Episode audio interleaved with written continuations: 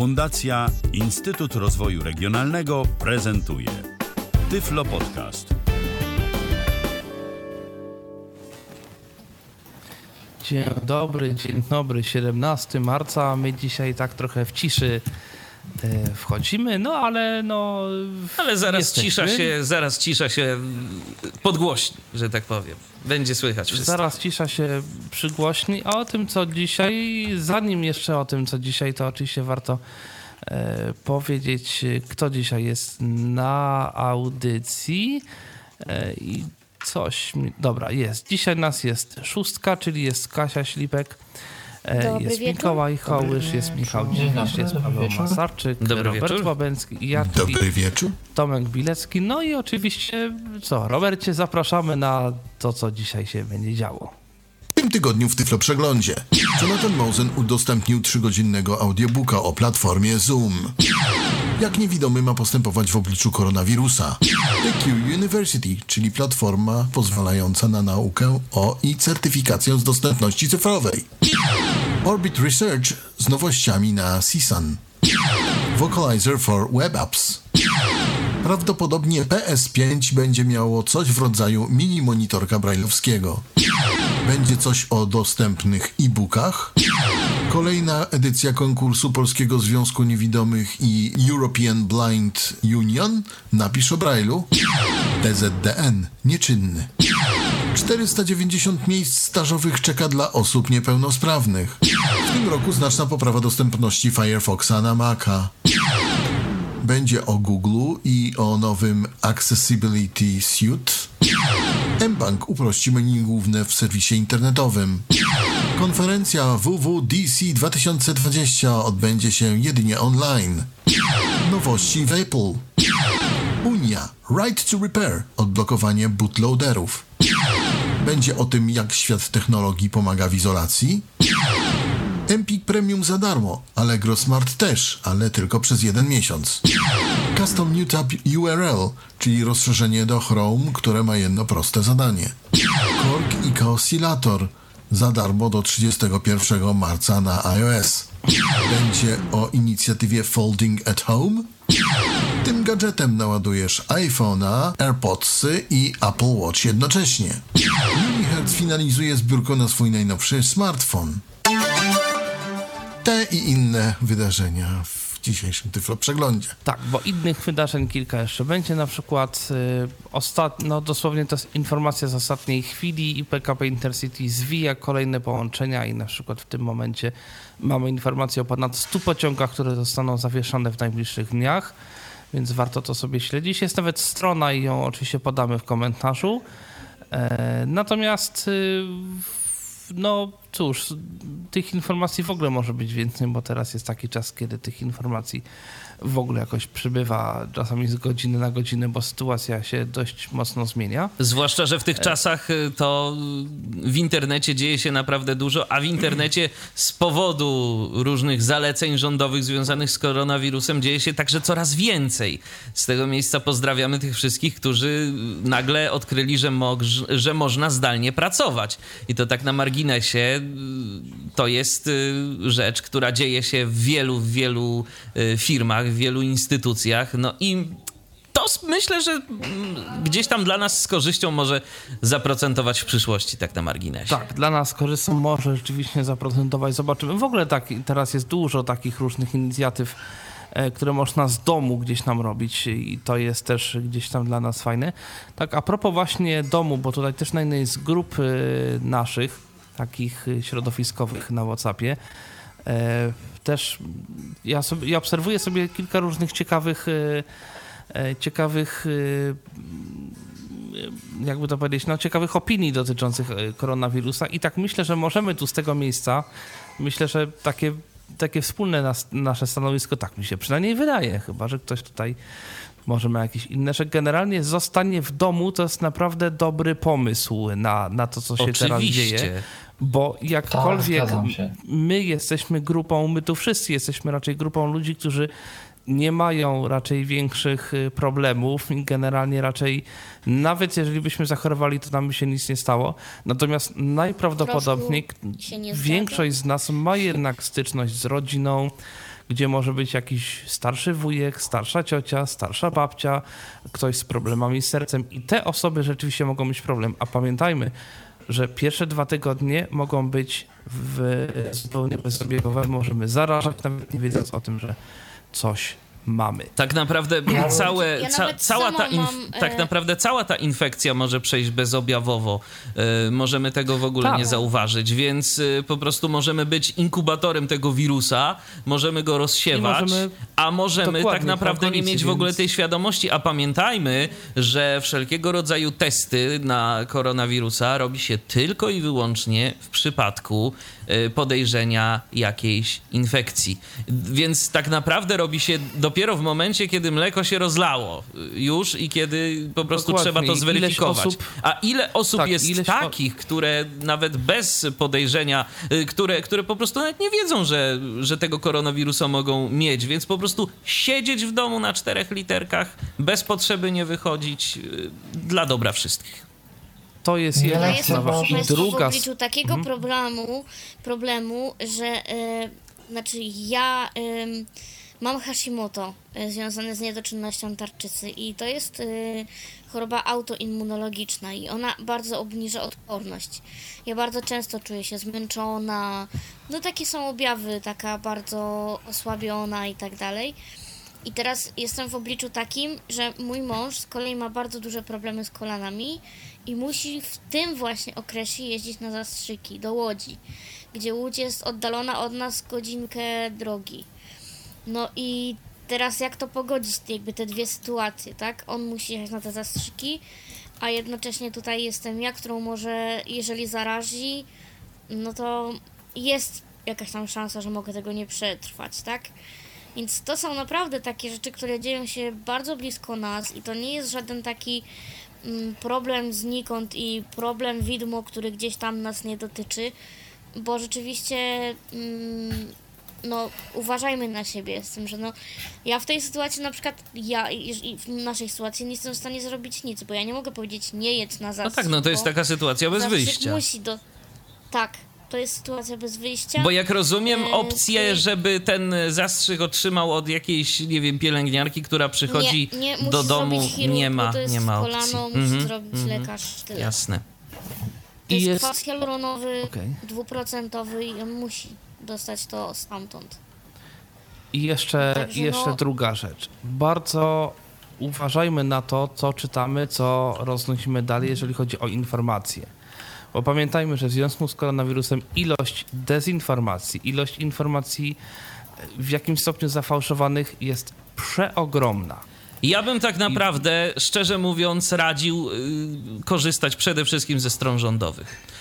Y, Tam y, Główny Inspektorat Sanitarny ma odpowiednie informacje y, i tam znajdziemy najbardziej aktualne wiadomości na temat koronawirusa. I tu już abstrahując od tego, od jakichś naszych Zapatrywań preferencji politycznych. tak, to nie, to, to teraz po prostu ogóle... to, co tam się dzieje, to, to po prostu z reguły działa. Tak. Można oczywiście tutaj jakieś tam dyskusje, czy to są optymalne działania, czy może nie do końca optymalne, co oni zrobili do tej pory, ale to, co oni radzą ludziom, y, żeby właśnie siedzieli w domu, żeby dbać o higienę, to naprawdę po prostu i zwyczajnie działa i z reguły te, te rzeczy, które one robią, są po prostu okej.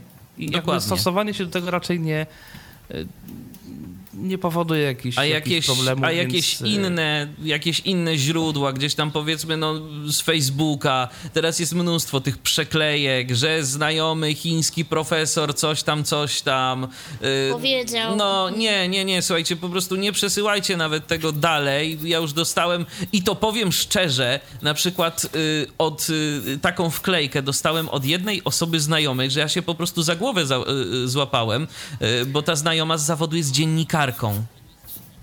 A właściwie była. Ona przez wiele lat e, pracowała jako dziennikarka, więc y, ja po prostu byłem w szoku, że, że nawet i takich ludzi, bardziej, którzy tak naprawdę powinni weryfikować informacje w jakikolwiek sposób przed puszczeniem tego dalej, y, no Mhm. najzwyczajniej w świecie tego nie robią i, i wrzucają takie wklejki do znajomych. Tak, zwłaszcza, że naprawdę Ja jeszcze, jeszcze... jedno. Mhm. E, Bardzo proszę, wręcz błagam, nie usypiajmy swoich zwierząt. Naprawdę czytałam, że i to jest, po, no ja to czytam w kilku portalach, także no myślę, że też nie jest to jakoś super wyssane z palca. Podobno u weterynarzy są kolejki i ludzie chcą się pozbywać e, zwierząt, wyrzucają je na ulicę, ponieważ poszła fama, że te zwierzęta nasze mogą się od nas albo mogą się od kogoś zarazić i I że one przenoszą, nas. że one O przenoszą. ile, tak, o ile rzeczywiście ta, ten wirus jest chyba odzwierzęcy, o tyle w tej Tak, ale to chwili, nie jest od psa, od kota, tylko od nas, łuskowca, tak, prawdopodobnie Od przynajmniej. jakiegoś nietoperza albo czegoś, nawet nie wiadomo tak naprawdę od czego to jest. Więc ja błagam, naprawdę nie usypiajmy zwierząt, nie wyrzucajmy ich, bo one nie są Bo wszelkie badania na razie wskazują na to, że ani psy, ani koty tym wirusem ani, Tak. ani się nie zarażają, ani nie przenoszą go dalej. Tym bardziej one naprawdę nie wiedzą, jakby czemu, czemu mają niby cierpieć i one nic nam nie zrobiły, więc. Ale to jest to, co mówiłem, żeby generalnie uważać na te informacje, które, które dostajemy, bo naprawdę może z tego wyniknąć duża bieda. A E, i ja też jeszcze dodam jedną rzecz. Y, Okej, siedzenie w domu, zostawanie w domu, okej, z tym wszystkim się zgadzam, ale ja uważam, że w przypadku osób niewidomych jest to jeszcze ważniejsze niż w przypadku osób widzących. Z jednego powodu. Osoba niewidoma, jak gdziekolwiek idzie, jednak dotyka trochę Więcej. więcej. Owszem. Oczywiście, że tak. I a przez dotyk, przez rękę, jak się potem tą ręką dotknie ust, nosa, bądź czegoś się dotknie i potem się dotknie ust, nosa i tak dalej, no to można się bardzo Jest zdecydowanie łatwo większe ryzyko. zarazić. No. Można się rzeczywiście zarazić, Tak. a teraz brakuje tak. i rękawiczek, że nie wspomnę o płynach dezynfekcyjnych i, i tego po prostu brakuje. Znaczy to powoli można kupować, ale w stosunkowo niewielkich ilościach i też wychodzimy na ulicę, to jeżeli ktoś tylko może, to niech sobie takie rękawiczki kupi, bo to po prostu na pewno To nam nie zaszkodzi. ja, ja tu się po, postaram wstrzelić, bo akurat em, mm, jest, była taka y, mm, bardzo, znaczy to jest też taki handel i, i jakby mm, zarabianie na, na, ludzkim, na ludzkiej krzywdzie jest straszne, ale właśnie mm, dlaczego brakło y, tych płynów? Między innymi też dlatego, że cwaniak Polak, za przeproszeniem, e, m, nakupił tych płynów i maseczek kartony, po czym sprzedawał je na Allegro po m, powiedzmy, nie wiem, dziesięciokrotnie albo kilkunastokrotnie większej e, cenie wyższej. Mm, No i tak maseczki, które tam kosztowały, nie wiem, ze 3 zł, e, potrafiły kosztować, nie wiem, 50 czy 60 zł. Słuchajcie, to jest, w ogóle, to jest w ogóle problem, bo e, generalnie no, była, taka, była taka decyzja premiera, e, że właśnie na Allegro, na Elixie nie ma czegoś takiego być. To ja dziś widziałem, Tak. że na przykład sprzedażą maseczek zajęły się sklepy komputerowe. Że w sklepach komputerowych obok, e, obok sprzętu komputerowego różnego asortymentu można zakupić, e, no bo nie na Allegro, nie na Elixie, a to bezpośrednio dotyczyło, zdaje się, tych dwóch portali. e, Decyzja Mateusza Morawieckiego. No tak, to w sklepy komputerowe. d- Dokładnie, no to Ale na ciekawe, też w sklepach takich cenach Tak, tak, tak, tak, tak, tak, tak, dokładnie tak. Jakiś płyn do odkażania, maseczki, tego typu rzeczy. Gdzieś też słyszałem, że jakieś lokalne grupy na Facebooku, że jakieś zagraniczne portale, oczywiście sprzedające i wysyłające z Polski, ale hostowane po prostu w jakiejś innej jurysdykcji, tworzone przez Polonię mieszkającą w i mające mało wspólnego z polskim prawem.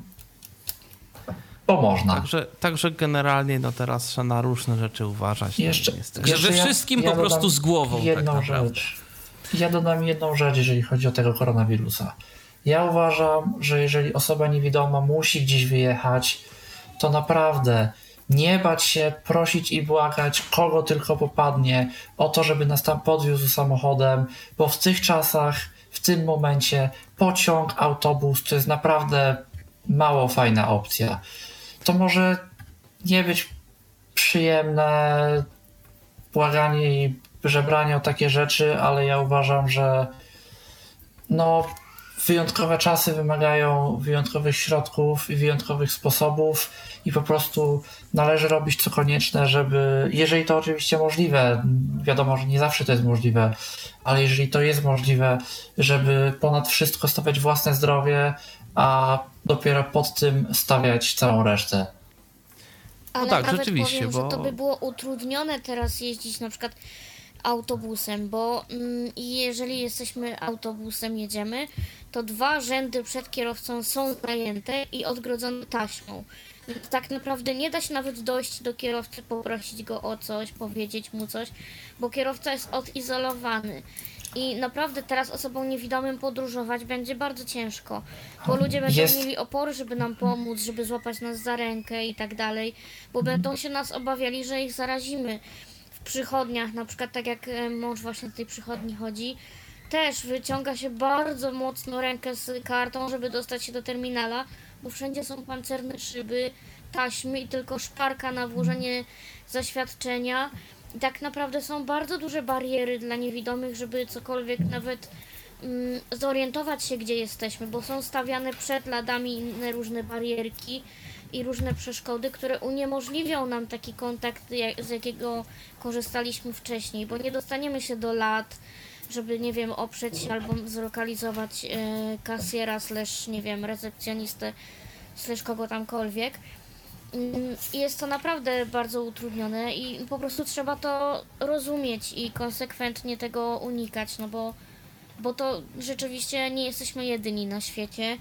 Jest y, nas dużo więcej, są widzący, którzy mogą się za pomocą wzroku e, posługiwać. I teraz nie ma co błagać o dostępność, moim zdaniem, no bo nie da się tego pogodzić. Albo wirus, albo, albo dostępność. No, nie da się zrobić tak, żebyśmy e, jakby przekon- po, po, jakby zapobiegali zarażeniu się, ale jednocześnie, żeby było dla nas wszystko dostępne. E, no nie da się po prostu. W taki sposób tak, gorzej jak jakiś serwis internetowy nie jest dostępny i musimy wtedy na przykład Nie, pojechać, ale ja bo mówię jest o takich rzeczach. serwis niedostępny. Ja wiem o co ci Tak, to- chodzi. to Edmund. jasne. Ja, ja wiem o co ci chodzi. To, to ja, ja właśnie czytałem takiego tweeta y, jakiejś niewidomej dziewczyny, y, bodajże ze Stanów Zjednoczonych, która miała gdzieś chłopaka y, w którymś z tych krajów azjatyckich y, w czasach, gdy ten koronawirus był tam w takim szczytowym okresie i po prostu zakazano im wychodzić z domu i cały handel y, w wszelkiego rodzaju sklepach miał się odbywać na tej zasadzie, że wchodzono po prostu do internetu i wpisywano co, po, co jest potrzebne i po prostu ktoś to dowoził. No problem w tym, że na serwisie internetowym była kapcza i ani do kogoś tego zamówić, bo ktoś nie mógł dowieść tego jakby, bo wiadomo, z domu nie wolno było wychodzić i był problem. O ile u nas jeszcze nie ma aż takiej sytuacji, o tyle też nie wiadomo, czy prędzej czy później się to w ten sposób nie skończy. Też dużo restauracji zdecydowało się właśnie na e, taką mm, rozwożenie Po online prostu na dowóz, tak, tak. Tak, tylko ja jestem ciekawa, e, czy później, jak już to wszystko się w miarę unormuje, to czy to tak zostanie? Jakby ile rzeczy. Miło by było tak naprawdę. Już Ale Ja ja jestem podejrzewam- ciekawa. Podejrzewam, że znaczy na pewno nie wszystko zostanie. Mam nadzieję, że coś Że pewne Część. rzeczy, tak, że czegoś, że Tak. czegoś, przykład skoro to, tak, skoro to musiało, to żeby to nas nauczyło pewnych Właśnie rzeczy to jednak. zdalna praca. Właśnie ja nie wiem, czy to nas czegoś nauczy. Jak, jak ja mam inaczej- obserwację, Tak ogólnie to może i nie, natomiast mam taką obserwację, że pamiętacie jak, nie wiem, była katastrofa w Smoleńsku, Polacy się bardzo jednoczyli w ogóle, a potem nagle był boom i ta nienawiść była Wiesz co, tylko większa. Tak, katastrofa tylko- w Smoleńsku nie dotyka bezpośrednio, Pamięt- nie dotknęła bezpośrednio nas. Dla Dokładnie, kogoś mogła być To była bardzo polityczna. Dokładnie, a mimo tu wszystko. jednak to wszystko dotyka naszego codziennego życia yy, i myślę, że i myślę, że pewne jakby dobre praktyki tak zwane, które mamy yy, k- i które sobie wypracowujemy, bo to tak naprawdę w, w tym momencie wszystko się wypracowuje. Yy, Firmy, różnego rodzaju instytucje nie były na to przygotowane, choćby taka prosta rzecz jak praca zdalna. W wielu firmach, i to wiem z y, pierwszej ręki, yy, zwykle było tak, że wejście do systemu zdalne miał prezes, księgowa, wiceprezes i jeszcze tam kilka kluczowych y, pracowników firmy, która dajmy na to miała, no nie wiem, na przykład 500 pracowników. Teraz nagle okazuje się, że fajnie byłoby zrobić wejście zdalne i okazy- okazuje się, że nawet w wielu firmach po prostu Można. infrastruktura, ale wiesz, no właśnie okazało się, że nie bardzo można, bo infrastruktura nie wyrobiła y, w niektórych firmach No, i siadło. tak, i że, i że jest to problem. Także no, dla informatyków, dla administratorów to też jest nie lada wyzwanie y, sprawić, żeby to wszystko zaczęło działać. W ogóle, no, jeżeli chodzi o wszelkiego rodzaju y, kwestie sieciowe, to też okazało się, że, że dość intensywnie ta sieć jest eksploatowana. No ale zobaczymy, pewne praktyki y, trzeba sobie po prostu wypracować i miejmy nadzieję, że coś z tego potem zostanie. Tym bardziej, że y, no, ta sytuacja od nas tak szybko nie odejdzie. To nie jest tak, że my sobie teraz decydujemy, Dwa że, tygodnie że dwa i tygodnie koniec. i koniec. Nie, ja myślę, że to, że to jednak trochę z nami no, jeszcze no, zostanie. Trochę też nie zostanie. Tak więc, jak mówisz o więc- sieci, e, no to nawet tak niekoniecznie dla jakichś firm i pracowników, tylko po prostu dla tych wszystkich, którzy musieli zostać w domu. Mi na przykład bardzo dużo wolniej chodzi sieć i ja was często e, prawie w ogóle nie rozumiem, jakby jesteście bardzo niewyraźni. Podejrzewam, że to jest właśnie problem tego, że jest przeciążona sieć. Że jest przeciążona, oczywiście. W domu, no co można robić, tak? Nef, Netflix, Netflix, tak. YouTube, cokolwiek innego, tak? No bo, znaczy dla mnie też było szokiem.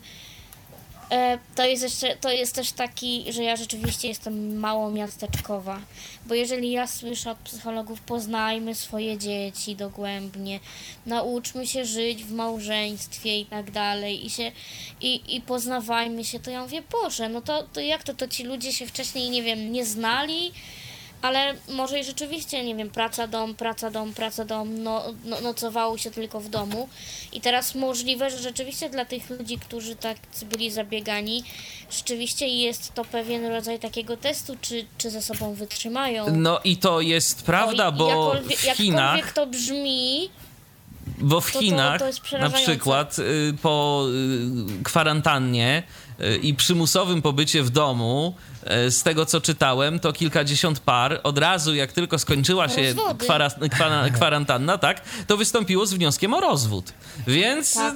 no rzeczywiście coś w tym może być. ja Tak, proponuję, tak. słuchajcie, żebyśmy przeszli może troszkę już do końcu do naszych tematów, newsów. no tak, bo- bo, bo koronawirus Tak koronawirusem, ale...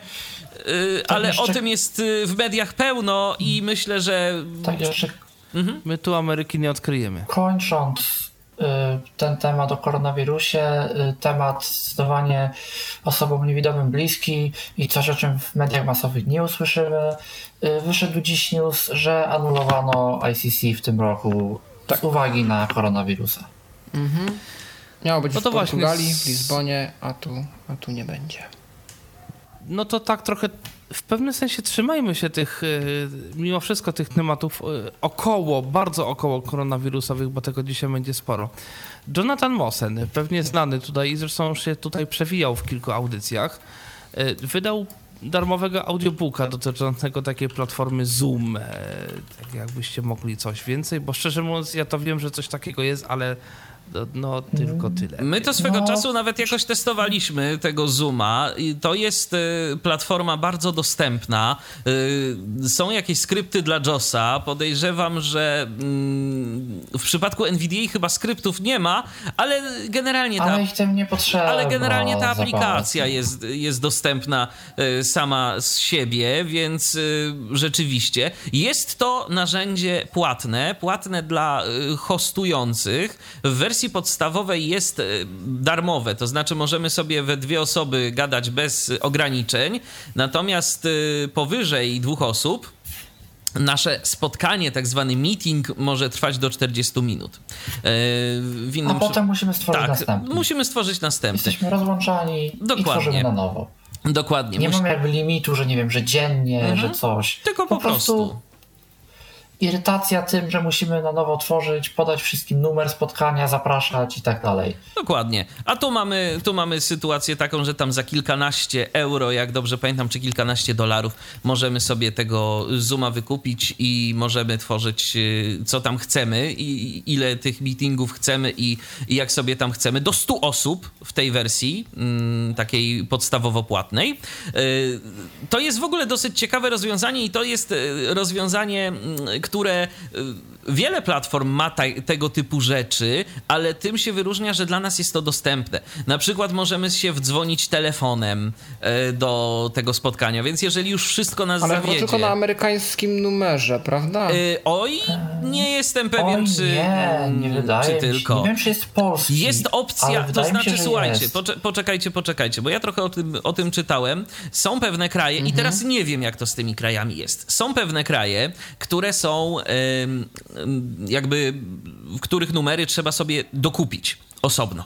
Natomiast jest jakaś paczka państw, która jest y, za darmo i na przykład y, z tego co wiem, to rozwiązanie konkurencyjne, zdecydowanie mniej dostępne Click to Meeting, ono się bodajże nazywa, y, ma na przykład numer w Polsce, więc podejrzewam, że i Zoom może też mieć w Polsce taki numer telefonu. Tam możemy nagrywać te nasze spotkania, archiwizować, możemy udostępniać ekran, możemy robić no, różnego rodzaju rzeczy, takie typowe dla dzisiejszych y, platform y, komunikacyjnych, takich właśnie do spotkań online. No i możemy, i y, oprócz tego, że możemy to robić z naszego komputera, to możemy także to robić z poziomu aplikacji mobilnych i te aplikacje mobilne też są dostępne. Także no, Zoom rzeczywiście jawi się tu jako bardzo fajna, dostępna forma do przeprowadzania takich meetingów i jest to y, o tyle fajne, że jest tam mały próg wejścia to. Że możemy sobie po prostu, że ktoś tam wysyła zaproszenie, my sobie tam coś tylko klikamy, ewentualnie instalujemy aplikację, co myślę, że każdy w dzisiejszych czasach jest w stanie zrobić. Y, A i chyba z przeglądarki też jakoś się da tam wejść. Y, No i możemy sobie po prostu z tego korzystać. A coraz więcej różnego rodzaju szkoleń, kursów, y, konferencji jest realizowanych przez Zooma. Dużo szkół to- też, y, z tego co właśnie czytam w mediach społecznościowych, y, Szkół też i to używa. podobno jest do Ale tego... w Polsce, czy bardziej to jest znane za To granicą? znaczy, Bo jak w ja na ogóle przykład to mam za przekonać... granicą, natomiast teraz w No obliczu właśnie. koronawirusa, no to u nas też y, zastanawiają się nagle, czego tu użyć. No i pewnie ten Zoom też będzie gdzieś tam wspierany, zwłaszcza, że podobno tu teraz też, znaczy podobno, czytałem, że podobno Zoom dostał takie zainteresowanie, że już serwery nie bardzo czasami wytrzymują i to tam różnie to bywa z, tym, z tą jakością połączenia, bo jest takie zainteresowanie po prostu. Jak ja mam zachęcić, nie wiem, moich wykładowców albo kogokolwiek, żeby z tego Zooma korzystali? To znaczy, no jak masz zachęcić, zawsze możesz po prostu przy, taką informację przekazać. No chyba, że twoi wykładowcy mają już jakąś ulubioną platformę do, No właśnie. do spotkań online, bo tego nie wiemy, czy mają, czy nie. Więc jak to jest? Coś już mają? Nie, no ja nie wiem. A no to. Nie wiem, nie wiem, ale to, to od tego należałoby, Ale no tak to tego należałoby zacząć. Można, ja myślę, że z naszej perspektywy można powiedzieć, że jest to narzędzie, które przede wszystkim e, no jest, będzie dla nas dostępne, więc nie będziemy mieli problemów my z jego obsłużeniem, a i wykładowca też nie powinien mieć problemu z jego obsłużeniem, o ile w ogóle miał jakiś, e, jakikolwiek wcześniej kontakt z tego typu narzędziem, z tego typu platformą, bo one wszystkie działają na podobnej zasadzie tak naprawdę. Dla widzącego to podejrzewam, że nie ma większego znaczenia, z czego będzie korzystał. Dla nas, no jest no to miejmy istotne. nadzieję. Czasami co prawda są jakieś rozwiązania, które są tylko na jakąś tam platformę, ale mam nadzieję, że coraz więcej tych rozwiązań będzie na, na platformie tych, na tej platformie dostępnej. No, A propos tych różnych dostępnych rzeczy, to tutaj następny news. y, To ja jeszcze może tak szybciutko, Aha. y, to ja jeszcze może tak szybciutko a propos naszego lokalnego podwórka NVDA. Y, ostatnio się taka informacja od Josefa Lee pokazała, że on co prawda no tam przez chwilę go nie było, ale już wrócił i generalnie, żeby się zgłaszać do niego, jeżeli, i, jeżeli są jakieś problemy z, komu- z platformami komunikacyjnymi y, dostępnościowymi, że jeżeli w tym momencie jacyś twórcy platformy na przykład mają informację, że jest problem z dostępnością tej platformy, to żeby się po prostu zgłaszać, że społeczność NVDA jako taka teraz, y, a przynajmniej ta społeczność twórcza, tworząca różnego rodzaju dodatki, wtyczki, rozszerzenia y, do tego czytnika ekranu, że są w stanie. Oj! Coś tu nam się, jakaś zwrotka To nie chyba to- u Pawła. tak, Jakaś, Chyba u Pawła. Zwrotka, Tak zwrotka wydaje. jest? tak. Chyba delikatna jest. E, Tam Natomiast. teraz? O, teraz, teraz już jest okej. Natomiast, e, no, że właśnie te osoby, te platformy będą, e, jeżeli są jakieś problemy z dostępnością tych platform, no to żeby po prostu dawać znać, żeby mm, się kontaktować. Być może będzie w stanie pomóc, no bo teraz jest taka potrzeba. Teraz jest taka potrzeba. No i właśnie, a propos takich potrzeb, no to powstała, dobrze, Paweł tutaj wrócił, bo powstała platforma, która uczy na temat tego, jak tworzyć rozwiązania dostępne. Zdaje się, przynajmniej tak mamy zapisane w notatkach, ale Paweł, nie wiem, czy ty mnie wyprowadzisz z błędu, czy potwierdzisz to, co mówiłem? E, To znaczy, ona nie jest nowa. Ona już istnieje od jakiegoś czasu. E, Tylko ja się nią dopiero ostatnio zainteresowałem, dlatego teraz mogę jakby z pierwszej ręki o niej opowiedzieć.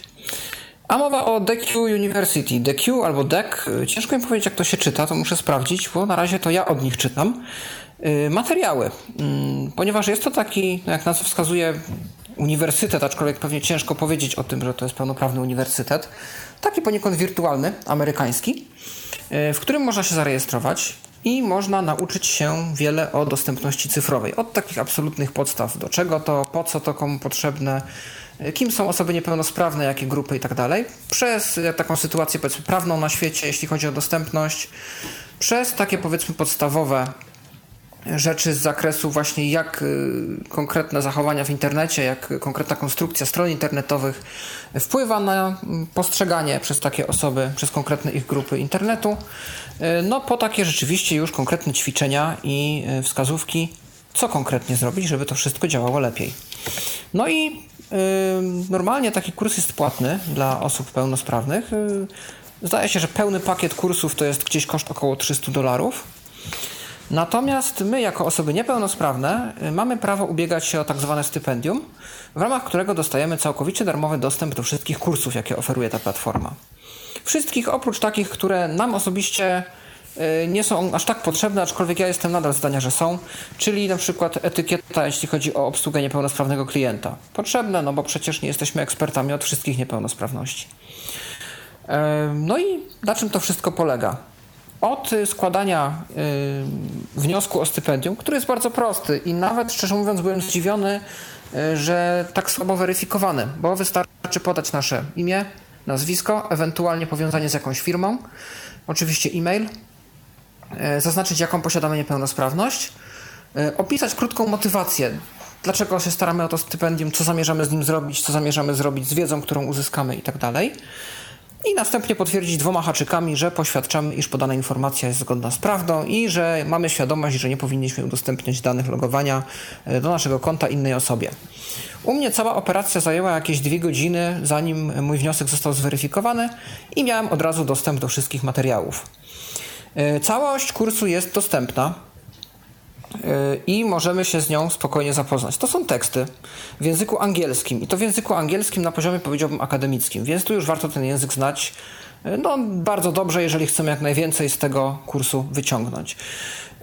To są teksty, głównie teksty, które czytamy, ale zdarzają się też elementy multimedialne, na przykład filmiki, które coś demonstrują. Bardzo dużo jest filmików, na przykład jak screenreader przeczyta coś tam.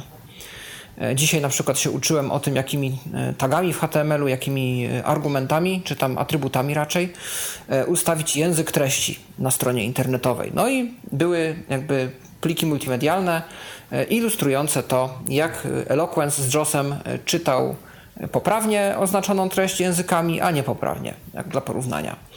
Zdarzają się przykłady w formie autentycznie zaimplementowanego kodu Czyli jak jest mowa o polu edycji, to takie pole edycji jest rzeczywiście na stronie zaimplementowane, można sobie w nie wejść, prowadzić z nim interakcje, przetestować błędy, czy wszystko jest dostępne. Są różne e, opisy alternatywne obrazków. I rzeczywiście jeżeli jest jakaś grafika, która osobom widzącym coś wyjaśnia, coś symuluje, coś ma zobrazować, to jest ta grafika również opisana tekstem alternatywnym, mamy podaną informację, co na tym obrazie się znajduje e, i co dana grafika ma przedstawić e, w kontekście całego kursu. Po ukończeniu takiej jednostki kursowej, powiedzmy takiej lekcji jakby, czy powiedzmy wykładu, różnie to bywa. Czasami na koniec całego kursu, bo tam kursów jest chyba 15, czasami gdzieś w połowie, czasami po każdym dziale, zależy od konstrukcji konkretnego kursu, są quizy. I quizy to jest taka forma sprawdzenia naszej wiedzy nie ukrywam, że to jest troszkę czytanie ze zrozumieniem. To nie jest żaden test praktyczny. Na zasadzie y, napisz tutaj poprawnie HTML, w HTML-u kod, który spowoduje, że tam zostanie coś poprawnie zanotowane ustrukturyzowane. Natomiast są to pytania na zasadzie ABCD, są to pytania na zasadzie prawda lub fałsz. Y, zaznaczamy właściwą odpowiedź, naciskamy sprawdź odpowiedź I jeżeli, jest, o, jeżeli udzielimy odpowiedzi poprawnej, e, no to wtedy możemy przejść dalej. Jeżeli niepoprawnej, no to właśnie, tu jest takie trochę ułatwienie, ponieważ e, wyświetli nam się dział lub przycisk aktywujący dojście do działu, w którym wymieniona została odpowiedź na to pytanie. Więc możemy przeskoczyć, przeczytać, co było poprawne, wrócić i poprawić nasz błąd. E, nie wiem, ile jest, y, jaka jest tolerancja na błędy, czyli ile odpowiedzi mogę udzielić błędnie i, i e, w końcu się ten test wyłączy i każe mi pouczyć się troszkę więcej. Natomiast y, ja na razie jest, byłem w stanie ukończyć wszystko na 100%, więc to nie jest trudne i to nie jest niewykonalne. No i po ukończeniu każdego kursu możemy pobrać dla każdego z tych kursów indywidualnie e, certyfikat o tym, że taki kurs ukończyliśmy. Tak. I ja jeszcze czekam na koniec całego jakby kompletu tych kursów, czy będę miał y, na przykład dyplom, że ukończyłem uniwersytet w Stanach y, wirtualny. Byłoby to rzeczywiście fajne, zwłaszcza, że uczestnictwo w zajęciach na DECU liczy nam się w punktacji do certyfikacji IAAP czyli International Association of Accessibility Professionals. I to jest takie już międzynarodowe stowarzyszenie, e, bardzo znane. Ono ma ponoć najwięcej znaczenia w kontekście amerykańskim, ale jako, że my w Europie nie stworzyliśmy jeszcze naszego systemu e, szkolenia i jakiejś certyfikacji, e, ekspertów od, do spraw dostępności, bo to jest u nas w miarę nowa dziedzina, to często się korzysta z rady i pomocy i kwalifikacji i się wierzy na słowo e, na bazie dyplomu IAAP. E, to jest dyplom, za który się płaci i potem płaci się za jego również odnawianie, bo to co jakiś czas trzeba odnawiać i sobie tą wiedzę aktualizować. Natomiast koszt jest to chyba, tak słyszałem, jeszcze muszę to potwierdzić, 50 dolarów za ten pierwszy y, dyplom i potem nie wiem ile za przedłużenie. Natomiast zawsze jest to też taki przywilej, że można być częścią jakiejś większej sieci ekspertów w tej dziedzinie. No i można się pochwalić gdzieś, że się skończyło amerykańską uczelnię na zasadzie distance learning. Y, jest to wszystko dostępne, jest to wszystko dla nas za darmo i myślę, że to jest bardzo, dobry, bardzo dobra porada co zrobić właśnie z czasem wolnym w wyniku hashtag zostań w domu, żeby się dalej po prostu rozwijać zawodowo. Naprawdę to jest ciekawe No właśnie. bardzo. To ja mam poradę, bo chyba nie przypomnieliśmy. Telefon, y, mam Tak, nadzieję, właśnie- że jest czynny. 123 834 835. jeszcze Tak. Nie wiem. I ja mam czy- jakieś czy takie dobrze. coś, że ciągle mam w pamięci, żeby podać ten numer i z reguły go zapominam. I albo Michał, albo tutaj Robert mnie wyręczają w tym. A tak zawsze sobie obiecuję, że w tym już dzisiaj podam ten numer, ale to już nie to wychodzi. A taki łatwy to numer jest mamy Martynka. do zapamiętania. Tak, nie, ja pamiętam numer, tylko nie pamiętam o tym, żeby go powiedzieć. Dobra, ale wracając do naszych tutaj baranów. Yy, konferencja CISAN, która się trochę odbyła, trochę się nie odbyła, ale nie zmienia to faktu, że Orbit Research na tej konferencji kilka swoich nowości przedstawił. Tutaj Michał i, i Paweł y, coś sobie o tym poczytali. Ja szczerze mówiąc wykazałem się tutaj pewnym lenistwem poznawczym. Ale Tomku, ty wiele nie straciłeś, bo tam wiele tak naprawdę nie było. Mm, To, co mówiliśmy tydzień temu, wszyscy praktycznie ważni uczestnicy odmówili i nawet w trakcie trwania konferencji yy, zdaje się, że jakieś władze stanu Kalifornia czy też miasta Anaheim yy, wydały jakieś zarządzenie, że wszystkie wielkie wydarzenia powinny być anulowane, a mimo to CISAN sobie trwał w najlepsze, więc e, ryzyko było podjęte tutaj, że tak powiem, no, duże ze strony organizatorów. Yy, I wiele osób się skarżyło na to, że ktoś pozwolił na to, żeby ta konferencja dalej trwała, mimo że wszystko już naprawdę, wsz- wszystkie głosy rozsądku przemawiały za tym, żeby ją anulować. No, no ale dzięki temu dowiedzieliśmy się paru rzeczy. Najważniejszą taką chyba tutaj dla nas, bo większość tego, co było, to były właśnie jakieś szkolenia na temat dostępności, e, jakieś przełomy lub nie przełomy w tym temacie, więc bardziej dla programi, dla twórców stron, programistów, e, osób zajmujących się tworzeniem treści.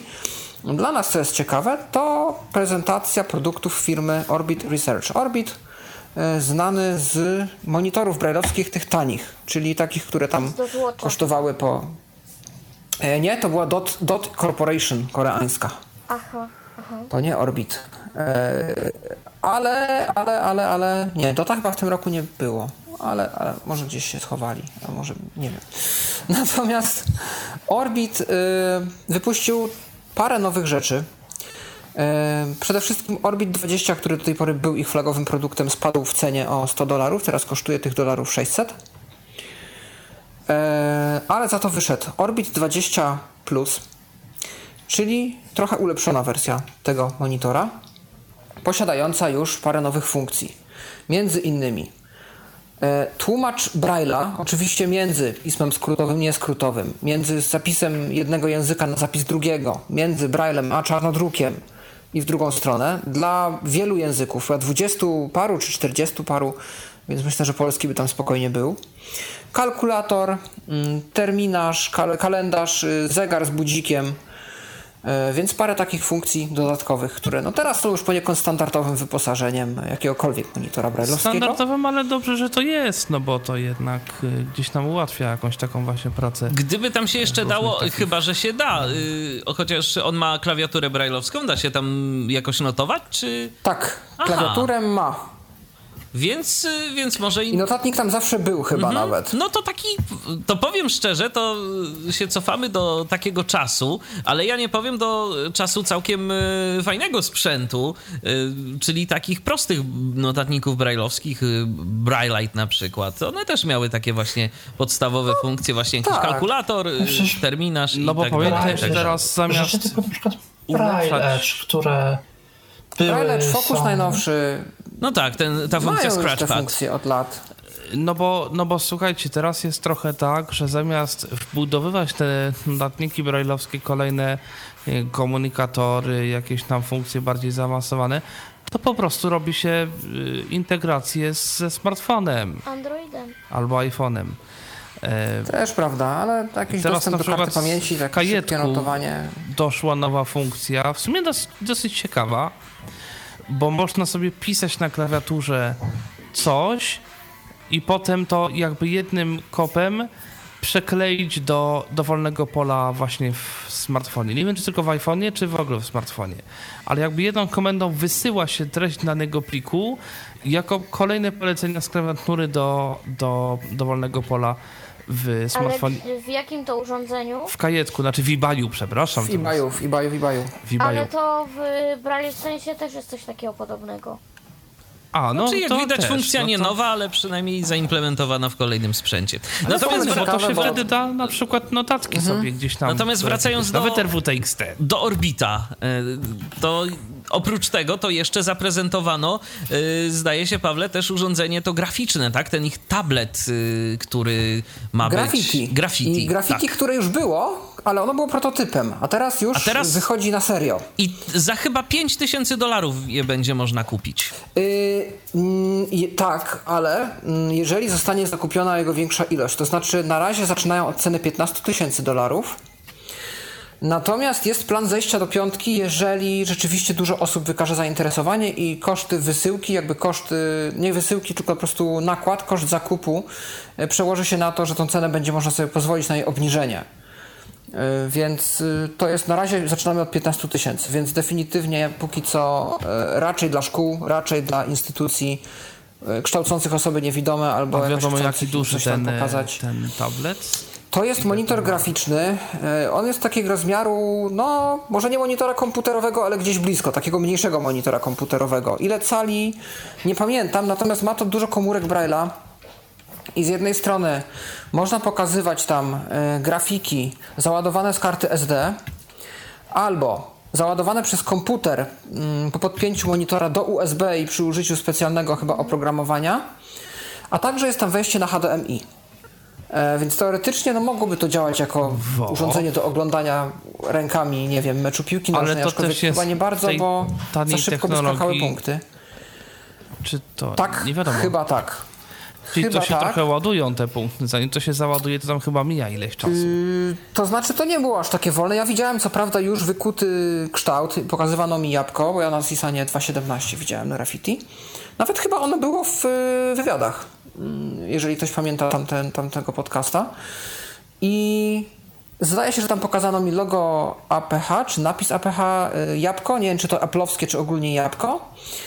Yy, I to wyglądało tak dość, no, dało się rozpoznać kształt. Tam jest też zaletą to, że graffiti posiada różne poziomy kropek. Jedne są wyżej, drugie niżej i dzięki temu można różne szczegóły zaznaczać typu kolor y, tła, yy, kolor powiedzmy 2,5D. Coś tego typu. No i też możemy sami rysować. I w momencie, kiedy ciągniemy palcem po, tym, po tej matrycy, zostaje po naszym palcu ślad w tym kształcie, który my narysowaliśmy. I oczywiście możemy przełączać też e, poziom kropek i na różnych poziomach rzeczy tam rysować. Słyszałem, że mamy telefon, to może wpuśćmy słuchacza. Tak, mamy telefon, ale ja myślę, że jeszcze możemy dokończyć ten, ten wątek, żeby nam się to nie, nie rozjechało, bo jeszcze jedno urządzenie... Klawiszami też się da e, jakoś mm, malować. A ten tablet ma klawisze? No właśnie Nie, tam Jakieś jest pewnie ma, jakieś ale- parę do obsługi. Raczej się palcem, raczej się palcem kreśli po matrycy i z tego coś wychodzi. Na ile to jest dokładne, na ile Bo to może wiesz, oddać jakieś no kolory. Właśnie, bo jakby tak można było punkt kontury. po. No, Nie, to jest bardziej kreska. to, to, raczej, to raczej tak Nie wiem, no. nie będzie. Natomiast jeszcze jedno urządzenie oni pokazali. Nawet Bo- dwa. y, aha. Nawet y, dwa, Michale. Ja mówię, ja mówię konkretnie, mam na myśli tę klawiaturkę y, Orbit Writer. Orbit Writer. Tak. Y, I to jest y, urządzenie, które no, y, kosztuje przynajmniej jak na razie, jak dobrze pamiętam, 99 dolarów. Y, Pytanie, ile Tak. gdybyśmy chcieli sobie to sprowadzić do Polski.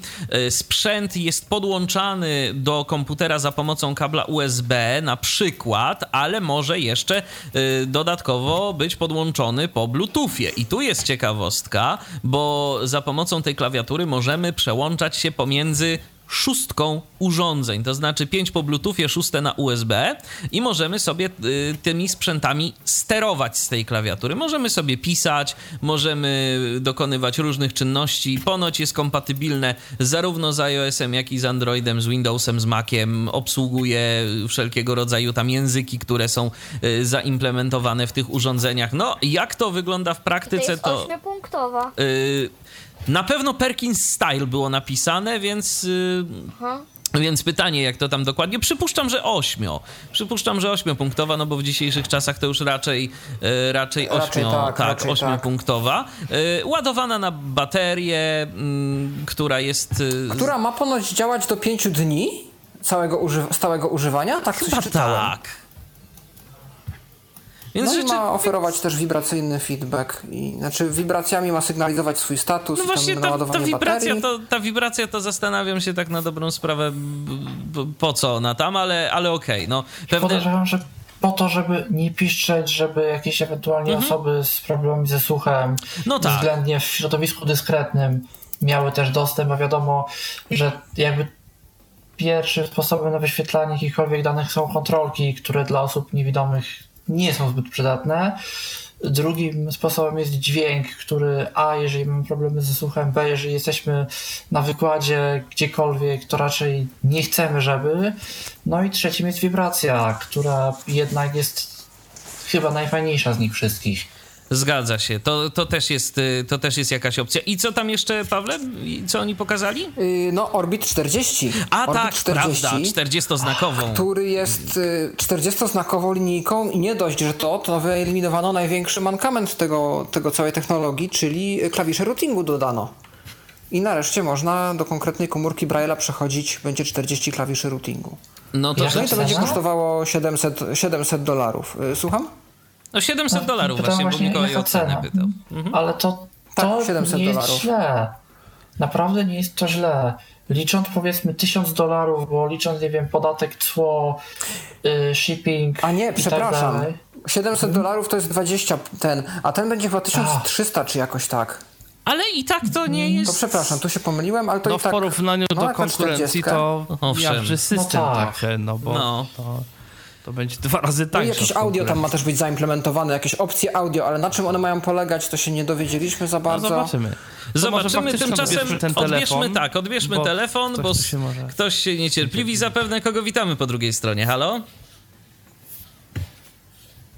Halo? Chyba, chyba ktoś tą cierpliwość jednak chyba ktoś, te, chyba ktoś tę cierpliwość stracił, albo po prostu coś nam... To przepraszamy, to ja się tu rozgadałem o orbitach, więc yy, zachęcamy do tego, żeby spróbować jeszcze raz. Dokładnie. Ale nie wiem, czy pamiętacie, kiedyś był podcast o takiej krewaturze, którą miało ECS prowadzać włoskiej, też takiej właśnie ośmiopunktowej. Rivo, komputera. czy nie Rivo? Tak, chyba, ri, chyba, już nie pamiętam. Albo inna, bo Rivo to była koreańska i Rivo była T9. Ona była taka jak stara Nokia. Nie, nie, nie, to jest właśnie, nie, nie, nie, to, to jest, y, to było brajlowskie i to Aha. było tyle ciekawe, że tam można chyba było edytować sobie znaki, to znaczy można sobie było w, w, dodatkowe tworzyć jakieś tam skróty czy coś, żeby nie wiem, jakieś tam znaki. W ten sposób można było samemu sobie zaprogramować język do tej klawiatury i się między nimi przełączać. Dobrze, słuchajcie, proponuję, spróbujmy odebrać jeszcze raz telefon, bo chyba kogoś tym razem mamy. Kogo? Witamy, halo? Halo? Halo? No jesteśmy, jesteśmy. Patryk Mosiewicz z tej strony. Ja mówiłem przedtem, ale coś nie było mnie słychać. Coś... Teraz działa. Koronawirus chyba się daje we znaki, jeżeli chodzi o różne rzeczy techniczne, no ale mam nadzieję, że wszystko będzie dobrze, bo też właśnie mam kilka rzeczy jakby do powiedzenia ciekawych, mm, a zacznę od tego, że też nie wiem, czy o tym planujecie mówić, czy nie, ale to też z tygodnia news, że ci, którzy chcą zdalnie pracować, to dla tych Google i Microsoft udostępnia swoje narzędzia za darmo w związku z koronawirusem, czyli Office 365 y, dla wersja edukacyjna dla szkół i studentów, to się chyba tak nazywa, czy tam dla szkół. I Google, ile chyba? Hmm, nie wiem jak to drugie narzędzie się od Google'a nazywa, nie chcę teraz Classroom. Classroom chyba. Jest takie narzędzie, tak, jest Google Classroom i ono jest całkiem, ja wam powiem, bo ja się nim kiedyś e, przez chwilę bawiłem, ono jest całkiem dostępne, yy, przynajmniej aplikacja mobilna na iOS-a. Mm. Ono musi być dostępne, bo Google Classroom w tym momencie co druga szkoła w Stanach yy, używa. Naprawdę, w Ameryce w tym momencie zeszyt jest w dużej części przeżytkiem. Tam Chromebooki królują. U nas urządzenie praktycznie nieznane. Tam spotyka się w nie wiem czy większości, ale naprawdę ogromnej ilości w tym momencie szkół. Y, no i jeżeli Chromebook, to właśnie Google Classroom.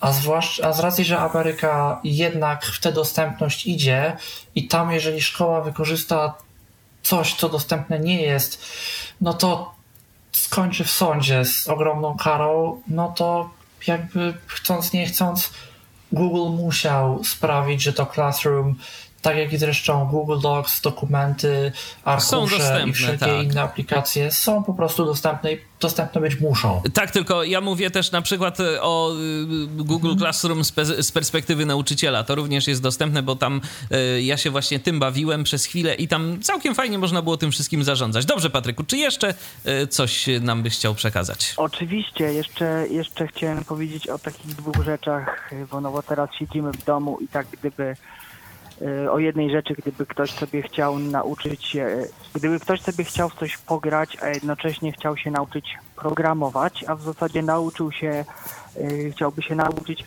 myślenia programistycznego, a pograć sobie w RPG, w którym to programujemy i w którym rozwiązujemy zagadki programistycznie, no to jest już od jakiegoś... Oj, Ojej. I o. gdzieś tam nam Patryk niestety zniknął z łącz. Miejmy nadzieję, że za moment się. Koronawirus wchodzi na łącz. Miejmy nadzieję, że zaraz się. Ja tak to pojawi. przy okazji wspomnę, y, jak już pojawił się temat gier y, i temat gier wywołano, y, Liam Erwen pracuje nad jakimś dodatkiem, modem, mającym przynajmniej w jakiejś części niewielkiej. Tak, to je dobre, to je dobre uczynić dla osób niewidomych dostępną grę GTA na system Windows. 5. Tak, tak 5. Tak, widziałem, jest... jakiś stream już z tego robił. Tak. O, chyba Patryk dzwoni. Tak. Spróbujmy, spróbujmy odebrać. Może tym razem będziemy mieli więcej szczęścia. Halo? Halo? Halo? Czy no, już, już jestem? Tak, jesteś, jesteś. Patryku, tylko szybciutko, bo jak widać, no mamy jakiś problem na tych łączach. No to właśnie to chciałem powiedzieć, że jest sobie taka gra o y, nazwie Twidio Quest.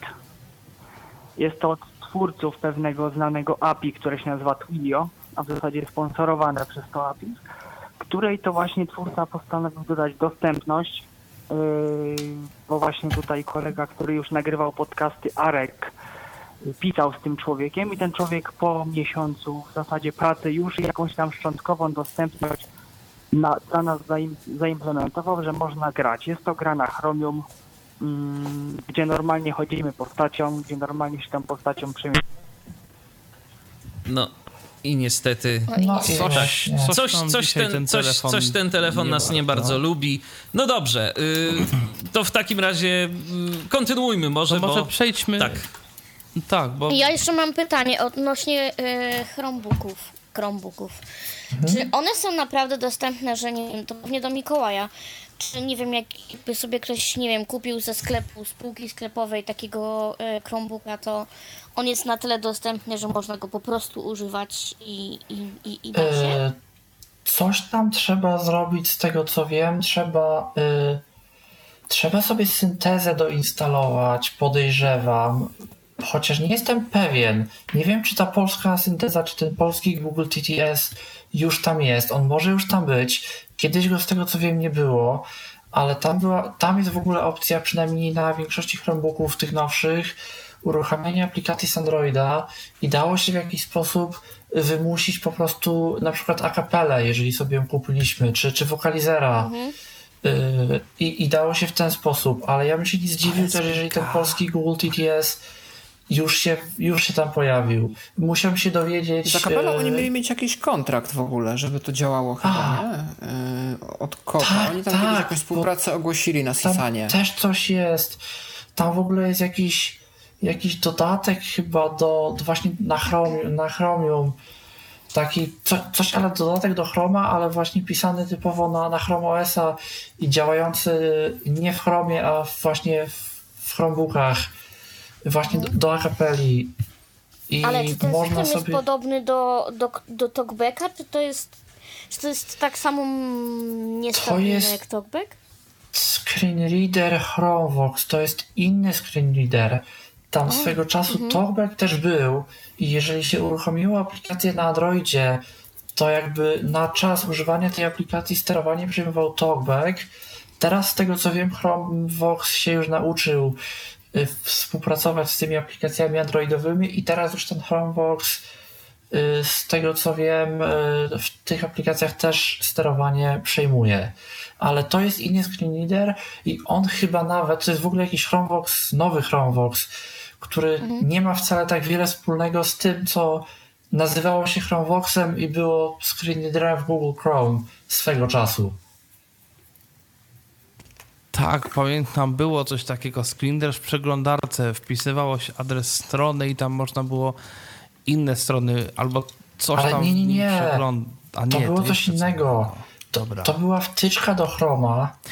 To była wtyczka do Chroma, która po instalacji, jak ten Chrome był dostępny tak trochę mało fajnie, wbudowywała nam jakby w przeglądarkę w Chroma samego z siebie screen readera, z którego mogliśmy sobie korzystać.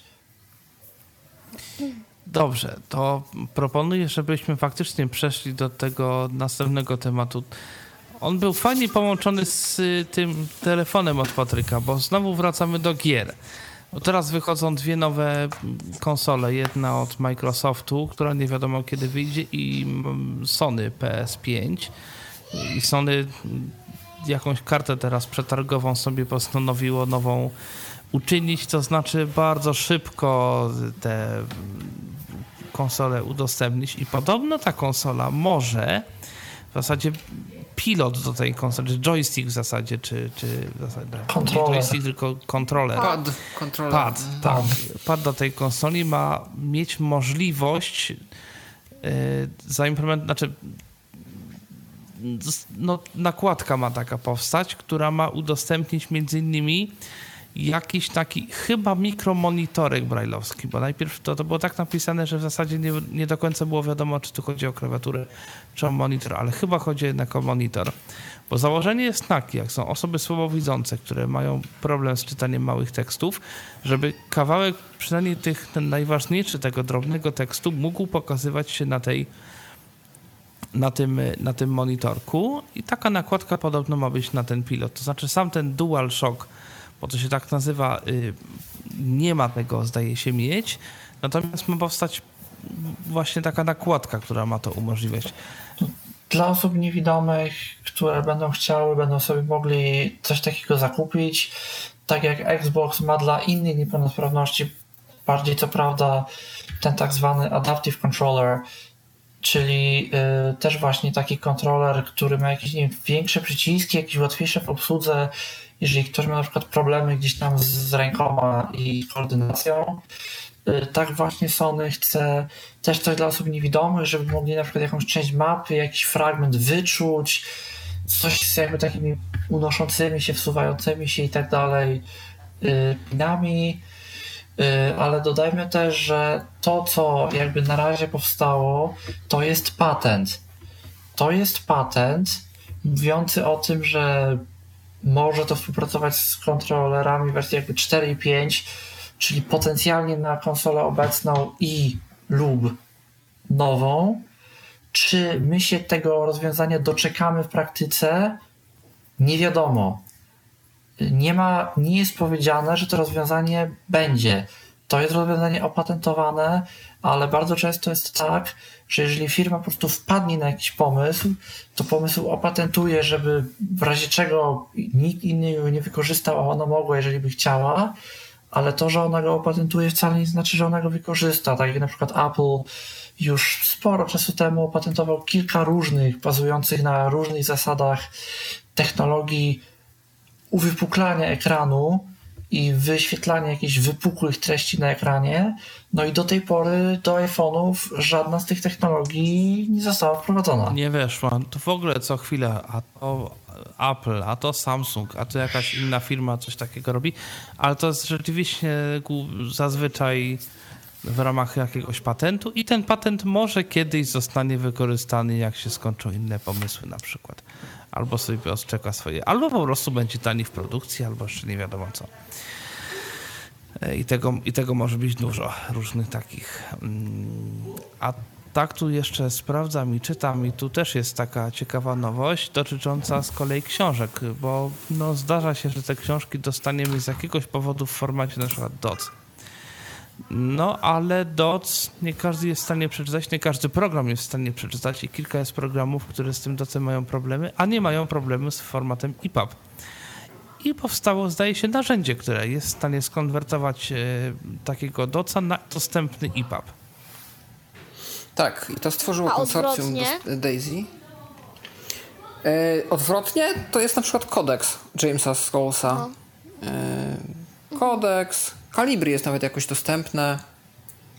Pandoc, No wiem, że kodeks chociaż Pandoc, ale kodeks już, jest najprostszy. Tam już trzeba być konsolą, ale Pandoc potrafi skonwertować praktycznie wszystko z wszystkiego na wszystko, jeżeli chodzi o No tak, dokumenty. to się zgadza, to się zgadza. Ale Tak, i Calibri pamiętam, jak też do pisałem- pewnego czasu zdaje się, że najlepiej obsługiwało się z wiersza poleceń, jeżeli tam się chciało coś y, bardziej zaawansowanego zrobić. Teraz chyba ta dostępność poprawiła się tego programu.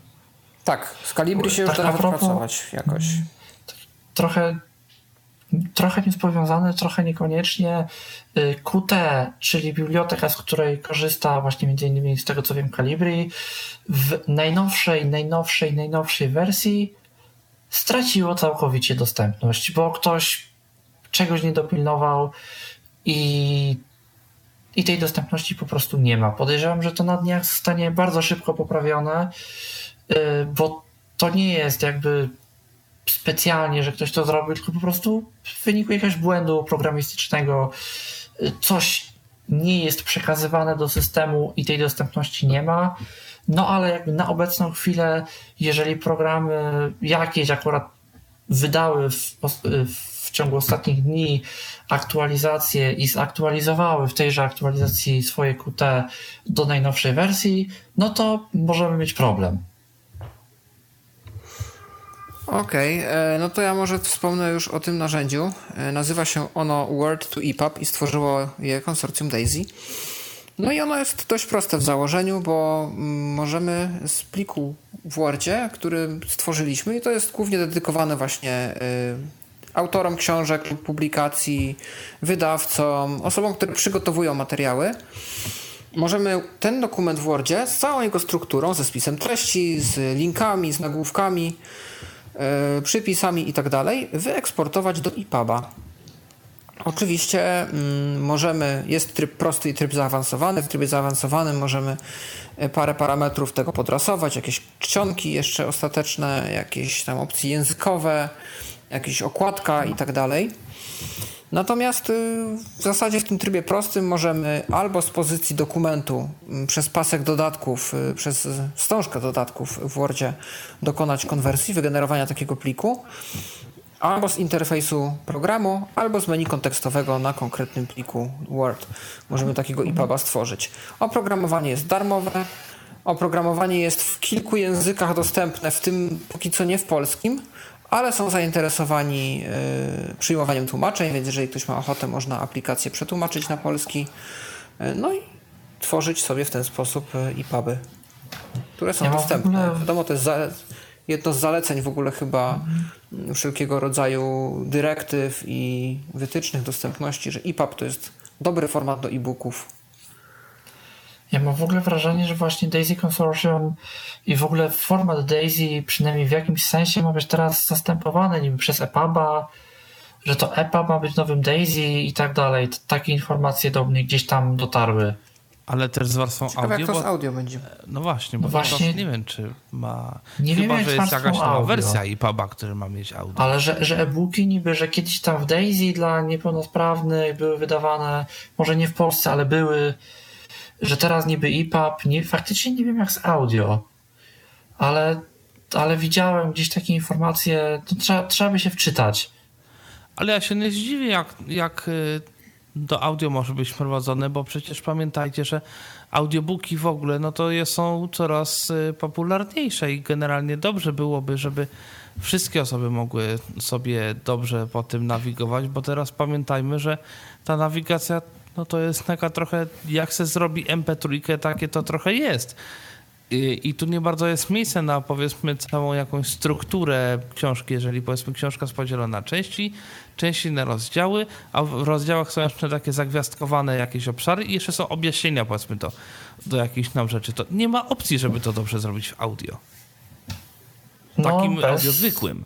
Nie mówię Tak. o Daisy, tylko takim audio dla takiego zwykłego zjadacza chleba. Mi się teraz przypominają te książki dla dzieci, które miały jakby wersję tekstową, normalnie były kupowane na papierowo e, i one miały jakby towarzyszącą im kasetę lub płytę i można było słuchać tej książki i jednocześnie czytać. To było właśnie dla dzieci i dla rodziców, że to jakieś obrazki, żeby uczyć czytania.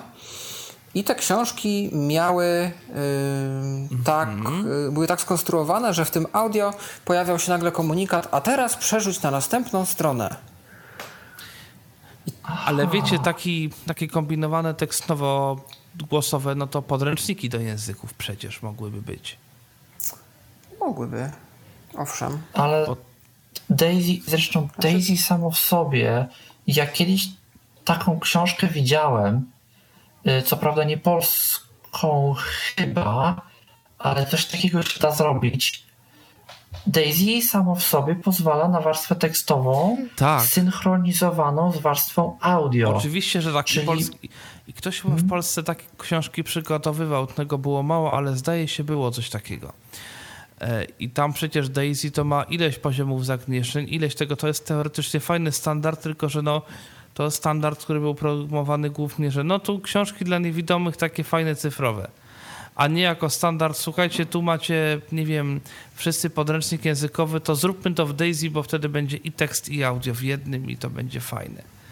I to się nie przyjęło, przynajmniej na razie. I raczej się w związku z tym nie przyjmie W prawdopodobnie. ogóle mnie naszła, jeżeli chodzi o literaturę ostatnio i cyfrową wersję tejże, zwłaszcza jeśli chodzi o źródła mainstreamowe, jedna refleksja. My w Polsce mamy tak naprawdę całkiem fajnie, bo większość tych naszych księgarni, zarówno jeżeli chodzi o e-booki, jak i jeżeli- chodzi o audiobooki, udostępnia nam te pliki w otwartych formatach. Czy to EPUB, czy to zip z plikami MP3 w środku, czy to nawet jakiś PDF. To są najczęściej książki mimo wszystko fajnie jakkolwiek dostępne i czytelne na wszystkim. Typu wrzucamy sobie to do VoiceDreama i czytamy sobie to w VoiceDreamie i nie ma z tym większego problemu. Mamy BookSensa, wrzucamy sobie to na BookSensa, Plextoka, Milestone'a, cokolwiek, czytamy. Y, No, za granicą nie jest tak fajnie, y, ponieważ mimo wszystko przodujące w wielu krajach usługi typu Audible do audiobooków, typu Kindle do książek tekstowych mają formaty swoje i te formaty są obsługiwane tylko i wyłącznie w aplikacjach tych usług.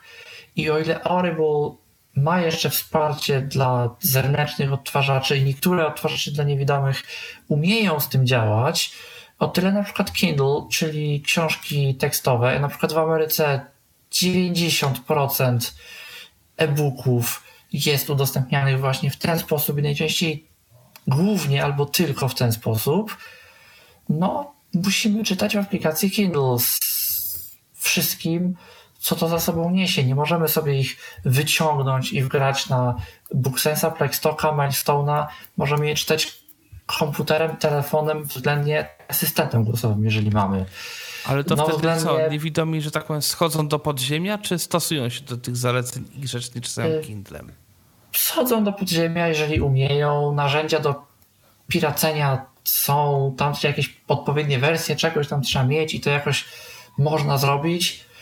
Yy, ale jeżeli ktoś nie umie, nie wie, nie chce mu się, nie ma komputera, ma tylko smartfon, bo do takich rzeczy oczywiście niezbędny jest komputer, no to albo w ogóle bierze z źródeł dziwnych typu Library Genesis, w którym jest wszystko za darmo, albo bierze z Amazona oficjalnie To i sobie konwertuje czymś. Słuchajcie, mamy telefon, Czyli tak. co? więc proponuję, żebyśmy spróbowali odebrać. Może tym razem nam się uda, ale chyba, ale chyba właśnie udało mi się znaleźć aplikację, która nie do końca jest kompatybilna z Windowsem 10, czyli nasz telefon, yy, który tak działa na pół gwizdka. Na początku działa, a potem są z nim problemy. Kogo witamy?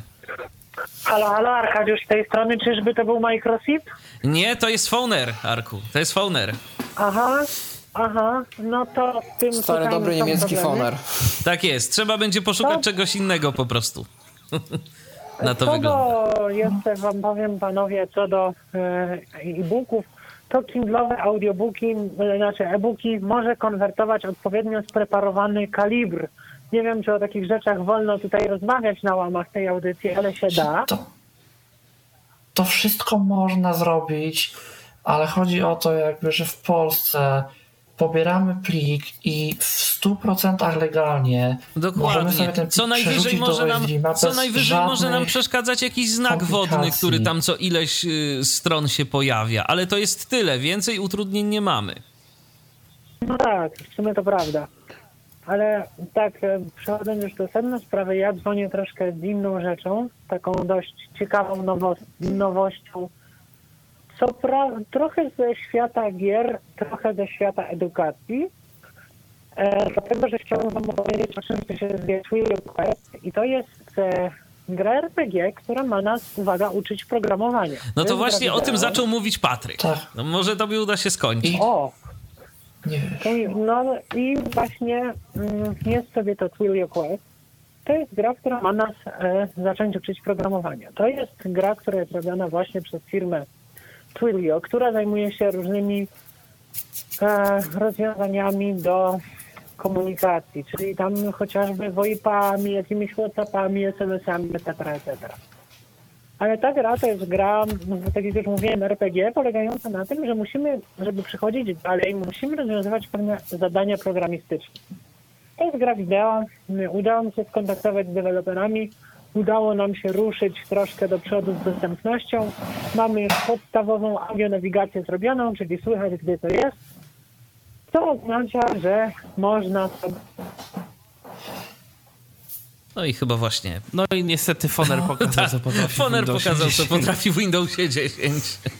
Niestety. No to, To ja też może jeszcze taki... wracając do książek Aczkolwiek była to dłuższa rozmowa. No tak, no ale no nie, no trzeba będzie po prostu poszukać jakiejś alternatywy swoją drogą, jeżeli ktoś z was zna jakiś dobry klient y, VoIPowy, y, to prosimy zapraszamy o do polecenie, kontaktu. bo się przyda. A może jest nowa wersja szukać. Fonera? Czy to nie jest może w najnowsza? Ogóle wpuszczać słuchaczy po jakimś Himawarii bądź No czymś. to będzie myślę takim. dyskusja, dyskusja na, na, na jakiś Dokładnie, to jest wewnętrzne dys- to- rozmowy, to- jak to jest dyskusja ogarniemy, gdzieś tam. Ale o czymś pomyśleć trzeba, to Owszem, prawda. owszem. Chociażby, żeby była alternatywa, tak jak kiedyś Skype. Natomiast jeszcze co książek się tyczy, to y, pół biedy, tu jak Mikołaju mówisz, jak jeszcze te książki da się czytać z tego Kindla, że je kupisz i w tej aplikacji Kindle sobie poczytasz. A nie zawsze tak jest. A czemu tak nie zawsze jest? O, Amazon działa jakoś tak dziwnie, że jak autor książki, który ją publikuje, czy tam jakiś jego wydawca, czy ktokolwiek się tym zajmuje, zapomni zaznaczyć haczyk książka obsługiwana przez czytniki ekranu, to mamy problem. I autentycznie spotkałem się już z sytuacją, że kupiłem książkę. Zapłaciłem za nią, mam do niej legalne prawa, żeby jej używać. Natomiast o ile opcja e, text to speech, czyli naciskam play i czytaj mi od początku do końca działała bezbłędnie, o tyle nawigacja po samej książce była już niemożliwa przy użyciu screenreadera. E, Co ciekawe, to było jakieś dziwne, bo na komputerze mi to nie działało, na telefonie to już działało prędzej. Ale jak spojrzałem w specyfikację książki, w, w szczegóły na stronie Amazonu, tam gdzie ją kupiłem, to rzeczywiście było coś napisane, albo było napisane, że czytnik nie jest obsługiwany, albo nie było napisane nic. No, a że była to książka, która zawierała jakieś wzory matematyczne i takie inne rzeczy, no to jednak czytanie od początku do końca to nie był mój ulubiony sposób zapoznawania się z tą książką, jak i zresztą nie było nim czytanie jej telefonem, więc e, no to czasami są też ciekawe historie z Amazonem, że, że, że jeden haczyk, czy jakiś jeden checkbox, którym ktoś zapomniał, nie pomyślał i to już nie działa. Chyba, że to ja coś zepsułem z moim Kindlem albo coś innego się jeszcze wydarzyło. Też był kiedyś taki wykład y, na YouTubie. y, Człowiek się nazywał Patrick, teraz nazwiska nie pomnę. Y, Wykład się bodajże nazywał Blind Hackers o osobach niewidomych, które po prostu musiały robić pewne rzeczy w sposób dość nieortodoksyjny, bo po prostu inaczej się nie dało. I właśnie on bodajże sam y, mówił, jakich narzędzi używał przez cały swój college do, no, jakby powiedzmy otwarcie, piracenia książek i wyciągania ich z Kindla, tylko dlatego, że w tamtych czasach w ogóle nie było czegoś takiego jak dostępność Kindle na PC, gdzie teraz to jest, ale wtedy to w ogóle nie było dostępne i w ogóle jedyną opcją, jaka była, żeby jakkolwiek te książki czytać, yy, były, yy, było właśnie konwertowanie tego w sposób nielegalny na jakikolwiek inny format. I też nie mówmy, bo nie tylko, nie tylko tam czy Kindle są takie problemy, yy, bo ja też znam na przykład osobę, która kupowała książkę po angielsku, co prawda, ale sprzedawaną w jakimś niemieckim sklepie. No i to był na przykład jakiś dziwny PDF zabezpieczony czymś i tego też się nie za bardzo dało z Liderem i tam trzeba też było użyć narzędzia, Także PDF-a jakiegoś tam narzędzia. Słuchajcie, ja się w związku z tym bardzo cieszę, że mimo wszystko w Polsce mamy fajnie i że w, to jest jakiś paradoks, że właśnie w Polsce, w kraju, w którym bardzo długo nas uczono, żeby kombinować, omijać, to nagle się okazało, że z książkami nie trzeba aż tak kombinować jak e, jak można by w innych krajach. No ale no oczywiście może być z tym różnie i szkoda by było, żebyśmy byli w pewnym sensie zmuszeni do tego, żeby obchodzić prawo, żebyśmy mieli dostęp do, do wartościowych materiałów po prostu i zwyczajnie. Do rzeczy, które jeszcze kupiliśmy, żeby nie było, wydaliśmy pieniądze, więc powinniśmy... Tak, więc, więc to powinno być dostępne, a z tym jest różnie. To jest w ogóle E, smutne. Ja myślę, że, bo, słuchajcie, bo to jest jakby jakiś taki coś, co można tutaj mnożyć Kolejny temat przykładów. rzeka. Tak, a tu się zawsze jakiś taki znajdzie na tej naszej audycji. To może Robercie coś o konkursie Napisz o Braille'u, który PZN razem z Europejską Unią. a, tak, Europejską Unią Niewidomych, e, European Blind Union, e, Polski Związek Niewidomych wspólnie z Europejską Unią Niewidomych zaprasza wszystkich chętnych do udziału w 14. edycji Onkyo World Braille Essay Contest. Ten prestiżowy ogólnoświatowy konkurs literacki jest organizowany od 2007 roku, aby promować korzystanie z alfabetu Braille'a, kluczowego dla osób niewidomych w pozyskiwaniu informacji oraz ważnego środka umożliwiającego y, życie społeczne. Tematem prac konkursowych mogą być takie zagadnienia jak rola pisma Braille'a w życiu społecznym, politycznym i tak dalej. Jak żyć z Braillem? Zabawne wydarzenia związane z pismem punktowym. Jaka będzie pi- przyszłość pisma Braille'a? Zalety i wady pisma Braille'a w porównaniu z pismem zwykłym lub mową syntetyczną.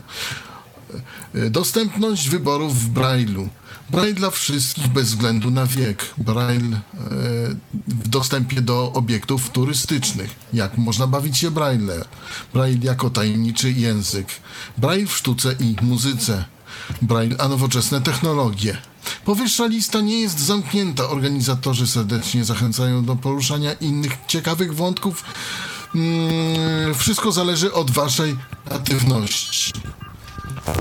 E, Zasady konkursu. Ja powiem, e, tę, tę informację e, zaczerpnąłem z biuletynu informacyjnego PZN-u z numeru 5 mm, z 2020 roku, żeby nie było. Do konkursu można e, zgłaszać jedynie własne autorskie prace napisane w dowolnej formie literackiej, wiersza, felietonu, eseju, wywiadu, a nawet listu. Mogą w nim wziąć udział wszyscy bez względu na wiek, także osoby widzące, na przykład nauczyciele, instruktorzy Braille'a. Nagrody będą przyznawane w dwóch kategoriach wiekowych: dzieci i młodzież do 25 roku życia oraz osoby powyżej 25 roku życia. W konkursie nie mogą brać y, udziału osoby piszące zawodowo dla ogólnodostępnych mediów. Laureaci pierwszej nagrody również nie mogą składać y, swojej pracy w ciągu trzech lat od przyznania tej nagrody. Nie można ponownie pra- składać prac nadsyłanych w poprzednich latach. Zgłaszane teksty powinny być napisane w języku angielskim lub polskim. Prace powinny być nie krótsze niż 600 słów oraz nie przekraczać 1000 słów. Zgłoszenia mm, należy y, kierować, i to są te prace autorskie w języku polskim lub angielskim, należy kierować y, należy przesyłać do Instytutu Tyflologicznego Polskiego Związku Niewidomych w formie elektronicznej na adres prezesmałpa.pzn.org.pl w nieprzekraczalnym terminie do 20, nie, do 18 maja do 2020 roku, 18 maja 2020 roku i prace przesłane do mm, European Blind Union z pominięciem PZN-u nie będą uwzględniane. Y, Tak tu jest y, napisane. W temacie wiadomości prosimy pisać konkurs o Braille'u.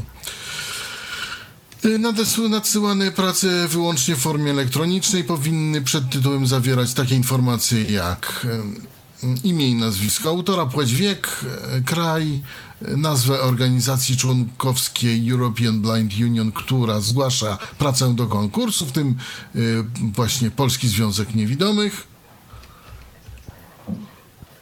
liczbę słów przesyłanego tekstu. Teksty nie mogą być wysyłane w formie skanu. Specjalnie powołany zespół wybierze maksymalnie pięć następnych prac, yy, które zostaną przetłumaczone na angielski i przesłane organizatorom. Ja jeszcze powiem o nagrodach. Nagroda pierwsza to jest 2000 dolarów, druga to jest 1000 dolarów, a trzecia to jest yy, 500 dolarów USA. Czyli jak ktoś ma lekkie Więcej- pióro, to warto. Tak, to warto, myślę, 2000 dolarów piechotą nie chodzi. E, w My nie ma zeszłym 8 roku. złotych. Konkurencja jest odpowiednio mniejsza. Tak, tak, tak, bo sensie? jednak. No No chociaż my ym, czy, nadajemy dla mediów publicznych, no. Znaczy publicznie dostępnych, nie publicznych. na jakichś Ciekawe zawodowych. co to w No. ogóle znaczy ogólnodostępnych. Czy ogólnodostępne to Myślę, znaczy że podcast by się kwalifikował. Tylko, że tam masz napisane chyba, że y, mm, jakby chodziło o pisanie chyba. Czy o ogólnie o nadawanie. Opisanie. No dobra, nieważne, sprawdzimy. Nie, nie można pisać. Ale jak Aha. w takim razie No. ktoś pisze do Tyflo Świata, to też może być problem na przykład. No, w takim... no dokładnie. Może być. O, tak. już, już dajmy też innym się wykazać. Dokładnie. Zachęcamy. No właśnie, zachęcamy do 18 maja 2000 Także zostańcie w domu i 20 piszcie- roku. piszcie Właśnie. Prezes cokolwiek małpa na- pzn.org.pl Em, Na stronie PZN-u też można przeczytać e, tę wiadomość. No właśnie, Także- jeszcze Także. tu teraz do mieszkańców Warszawy. Zostańcie z, w domu jeszcze z jednego powodu, bo zamyka się, tutaj też Robert nam dał informację, że zamyka się mm, dział... Główny dział zbiorów dla niewidomych zbiorów dla Głównej niewidomych, to Biblioteki znaczy- Zabezpieczenia Społecznego. Tak, to znaczy Do odwołania o... 12 marca. Tak, oczywiście tu chodzi o wypożyczenie na miejscu. Wypożyczenia przez internet jak najbardziej są możliwe. Strona internetowa działa i mało tego. Nie wiem, czy ktoś z Was tam ma dostęp, ale ja dostałem dodatkowy gigabajt w związku z Tak, sytuacją. Ja również. W związku z czym zostańcie w domu i czytajcie książki albo piszcie swoje. A że ten jeden gigabajt Obraj. to w przypadku książek y, pobieranych stamtąd to wcale nie jest tak mało, bo te książki nie ważą jakoś bardzo dużo, to, to, to można sobie tam trochę pobrać. Tak, one są w dość kiepskiej jakości, stety lub niestety, i taki gigabajt to jest mniej więcej, tak sobie tu próbuję to w miarę szybko przeliczyć, no ale co? Godzina, no to jest mniej więcej jakieś 15 mega tekstu. Bierzemy 15 mega, no to 15, 150, no z 10 godzin, no to jest kilkadziesiąt godzin generalnie y, czytania, więc no myślę, że trochę jest. I to jest dodatkowo, bo tak w ogóle to są chyba jeszcze, No nie pamiętam, czy 2 giga w standardzie, no to mamy teraz jeszcze mm, 50% tego, co mieliśmy wcześniej dodatkowo. No to myślę, że jest jakiś, jakaś ciekawa rzecz. E, I jeszcze tutaj Robert nam jedną informację przygotował. O, tutaj córeczka moja ma problem, ale to w takim razie tylko powiem e, na temat 490 miejsc s- na staże, ale to Robercie tu już dokończ. E, więc e, już powiem, e, 490 miejsc stażowych czeka. e, Osoby niepełnosprawne mogą znaleźć staż w 49 instytucjach administracji rządowej w ramach programu Stabilne Zatrudnienie e, finansowanego przez PEFRON. Uczestniczy, be, Uczestnicy będą zdobywać doświadczenie zawodowe m.in. w kancelarii premiera, ministerstwach czy komendach wojewódzkich policji. Na chętnych czeka łącznie 490 miejsc stażowych. Staż może odbyć osoba w wieku aktywności zawodowej, czyli taka, która nie osiągnęła wieku emerytalnego, z orzeczeniem o znacznym, umiarkowanym lub lekkim stopniem niepełnosprawności, bezrobotna lub poszukująca pracy. Rejestracja w Powiatowym e, Urzędzie Pracy nie jest wymagana. Stażyści będą. Yy, Stażyści będą rekrutowani, przygotowywani do pracy na danym stanowisku stażowym przez organizacje pozarządowe wybrane przez PEFRON. W ramach programu zapewnione jest stypendium nie więcej niż 2,5 tysiąca złotych brutto miesięcznie oraz, podkry- oraz pokrywane są koszty dojazdów. Staż może trwać od 3 do 12 miesięcy. Program Stabilne Zatrudnienie prócz stażu przewiduje szereg działań aktywizacyjnych, m.in. przygotowanie, wdrożenie indywidualnego planu drogi zawodowej, doradztwo, wsparcie w uzyskaniu nowych kwalifikacji. Osoby udziałem Osoby zainteresowane udziałem w projekcie powinny zgłosić się do następujących organizacji. Fundacja Znajdź Pomoc United Way Polska i tutaj biuro małpa znajdźpomoc.pl będzie na naszym, myślę, na naszej stronie. Telefon 22 299 29 28 577 i tak dalej. Będzie jeszcze telefon 577 648 000. Drugi. Liczba miejsc stażowych tutaj 130. Fundacja Sustinae albo Sust, nie wiem, Sustini? Sustinae, niech będzie. Ja bym obstawiał Sustinę, bo to pewnie jakieś... Dobra, Sustinę, dobra, dobra, masz rację. E, e-mail kontakt małpa fundacja sustinae.org mm, i tutaj jest telefon, e, który u nas będzie. Liczba miejsc stażowych 113. Karkonoski Sejmik Osób Niepełnosprawnych. A jest to gdzieś, no podejrzewam, że też nie każdy będzie w stanie tak zapamiętać z naszej audycji. Czy jest No ja gdzieś też tak jakiś myślę, link do, prostu- do tego, żeby to dać? Albo żeby I reszta instytucji, w których no. można e, ukryć, e, reszta instytucji, w których można znaleźć ten sta, te staże, e, znajduje się na stronie fron.org.pl aktualności, szczegóły, aktualności, newsletter, No to po dla osób. do- Damy ten link e, W komentarzu, bo po prostu. że jest dość, dość długi. E, Ja tylko powiem moje s- tutaj gorzki, mój gorzki komentarz, to już widać, bo mm, no, te staże zawodowe, jak zauważyliście, są kierowane do osób znacznych, umiarkowanych i lekkich. I prawdopodobnie, jak znam życie, no ach, troszkę je znam z perspektywy swoich 43 lat, to najwięcej osób będzie wybranych ze stopniem lekkim. Wszak to e, taki łatwy kąsek. e, No mój mąż, który ma znaczne, się zakwalifikował. Z tego programu? Tak. Z tym, że No teraz proszę. oczywiście jest przerwa, no bo jest korona, ale no tak. Zakwalifikował się. Znaczy, zakwalifikował się do programu, czy zakwalifikował się na staż? Do stażu już. A, do stażu już. No to A więc rzeczywiście. widzisz, jednak, jednak, Czy- jednak się da. Czyli się jednak da. Także te 43 lata doświadczenia nie zawsze się sprawdzają. Tak. No aczkolwiek twój mąż nie jest osobą niewidomą, tak też można Dobrze, powiedzieć. no słuchajcie, ale no Ale jest, osobą ze niewidomą, znaczną- ale co będziemy się Dobra, licytować? dobra, słuchajcie, bo to jest jakaś dziwna licytacja, nie ma co. E, I teraz tak, to już jest koniec tych technologii, znaczy tych naszych. Jeszcze jedna, środowiskowych, można powiedzieć. jeszcze jedna, Tomku? jeszcze jedna, jeszcze bo A to jej właśnie nie mam. Właśnie wiem, A ale jej nie mam tutaj, nie wiem dlaczego, w tym moim tutaj. Ja ją dodawałem. Ja ją dodawałem, ale dość późno, a ona była W sumie nawet jeszcze dwie. Więc może coś się rozsynchronizuje. Nawet Tak? dwie. O. A tak, bo Miki z tak, Firefoxem, pierwsza, no tak, przecież. pierwsza, pierwsza Mikołaja To ja tu odświeżam to i i w ogóle nie mam tego, więc nie wiem, nie wiem dlaczego tego, tego nie Y, Bo to jest w technikaliach, nie wiem dlaczego ktoś tam to wrzucił. Nie, ja to mam wyżej. No ale dobrze, nieważne. Mikołaju, to- Firefox, y, no. macOS, co tam ciekawego? O, czy teraz, teraz. Y, Firefox, y, z- to informacja w ogóle za Twitterem Marka Ceje, osoby, która pracuje w Mozilli, zajmuje się w tejże Mozilli dostępnością i o tej dostępności coś raz na jakiś czas pisze.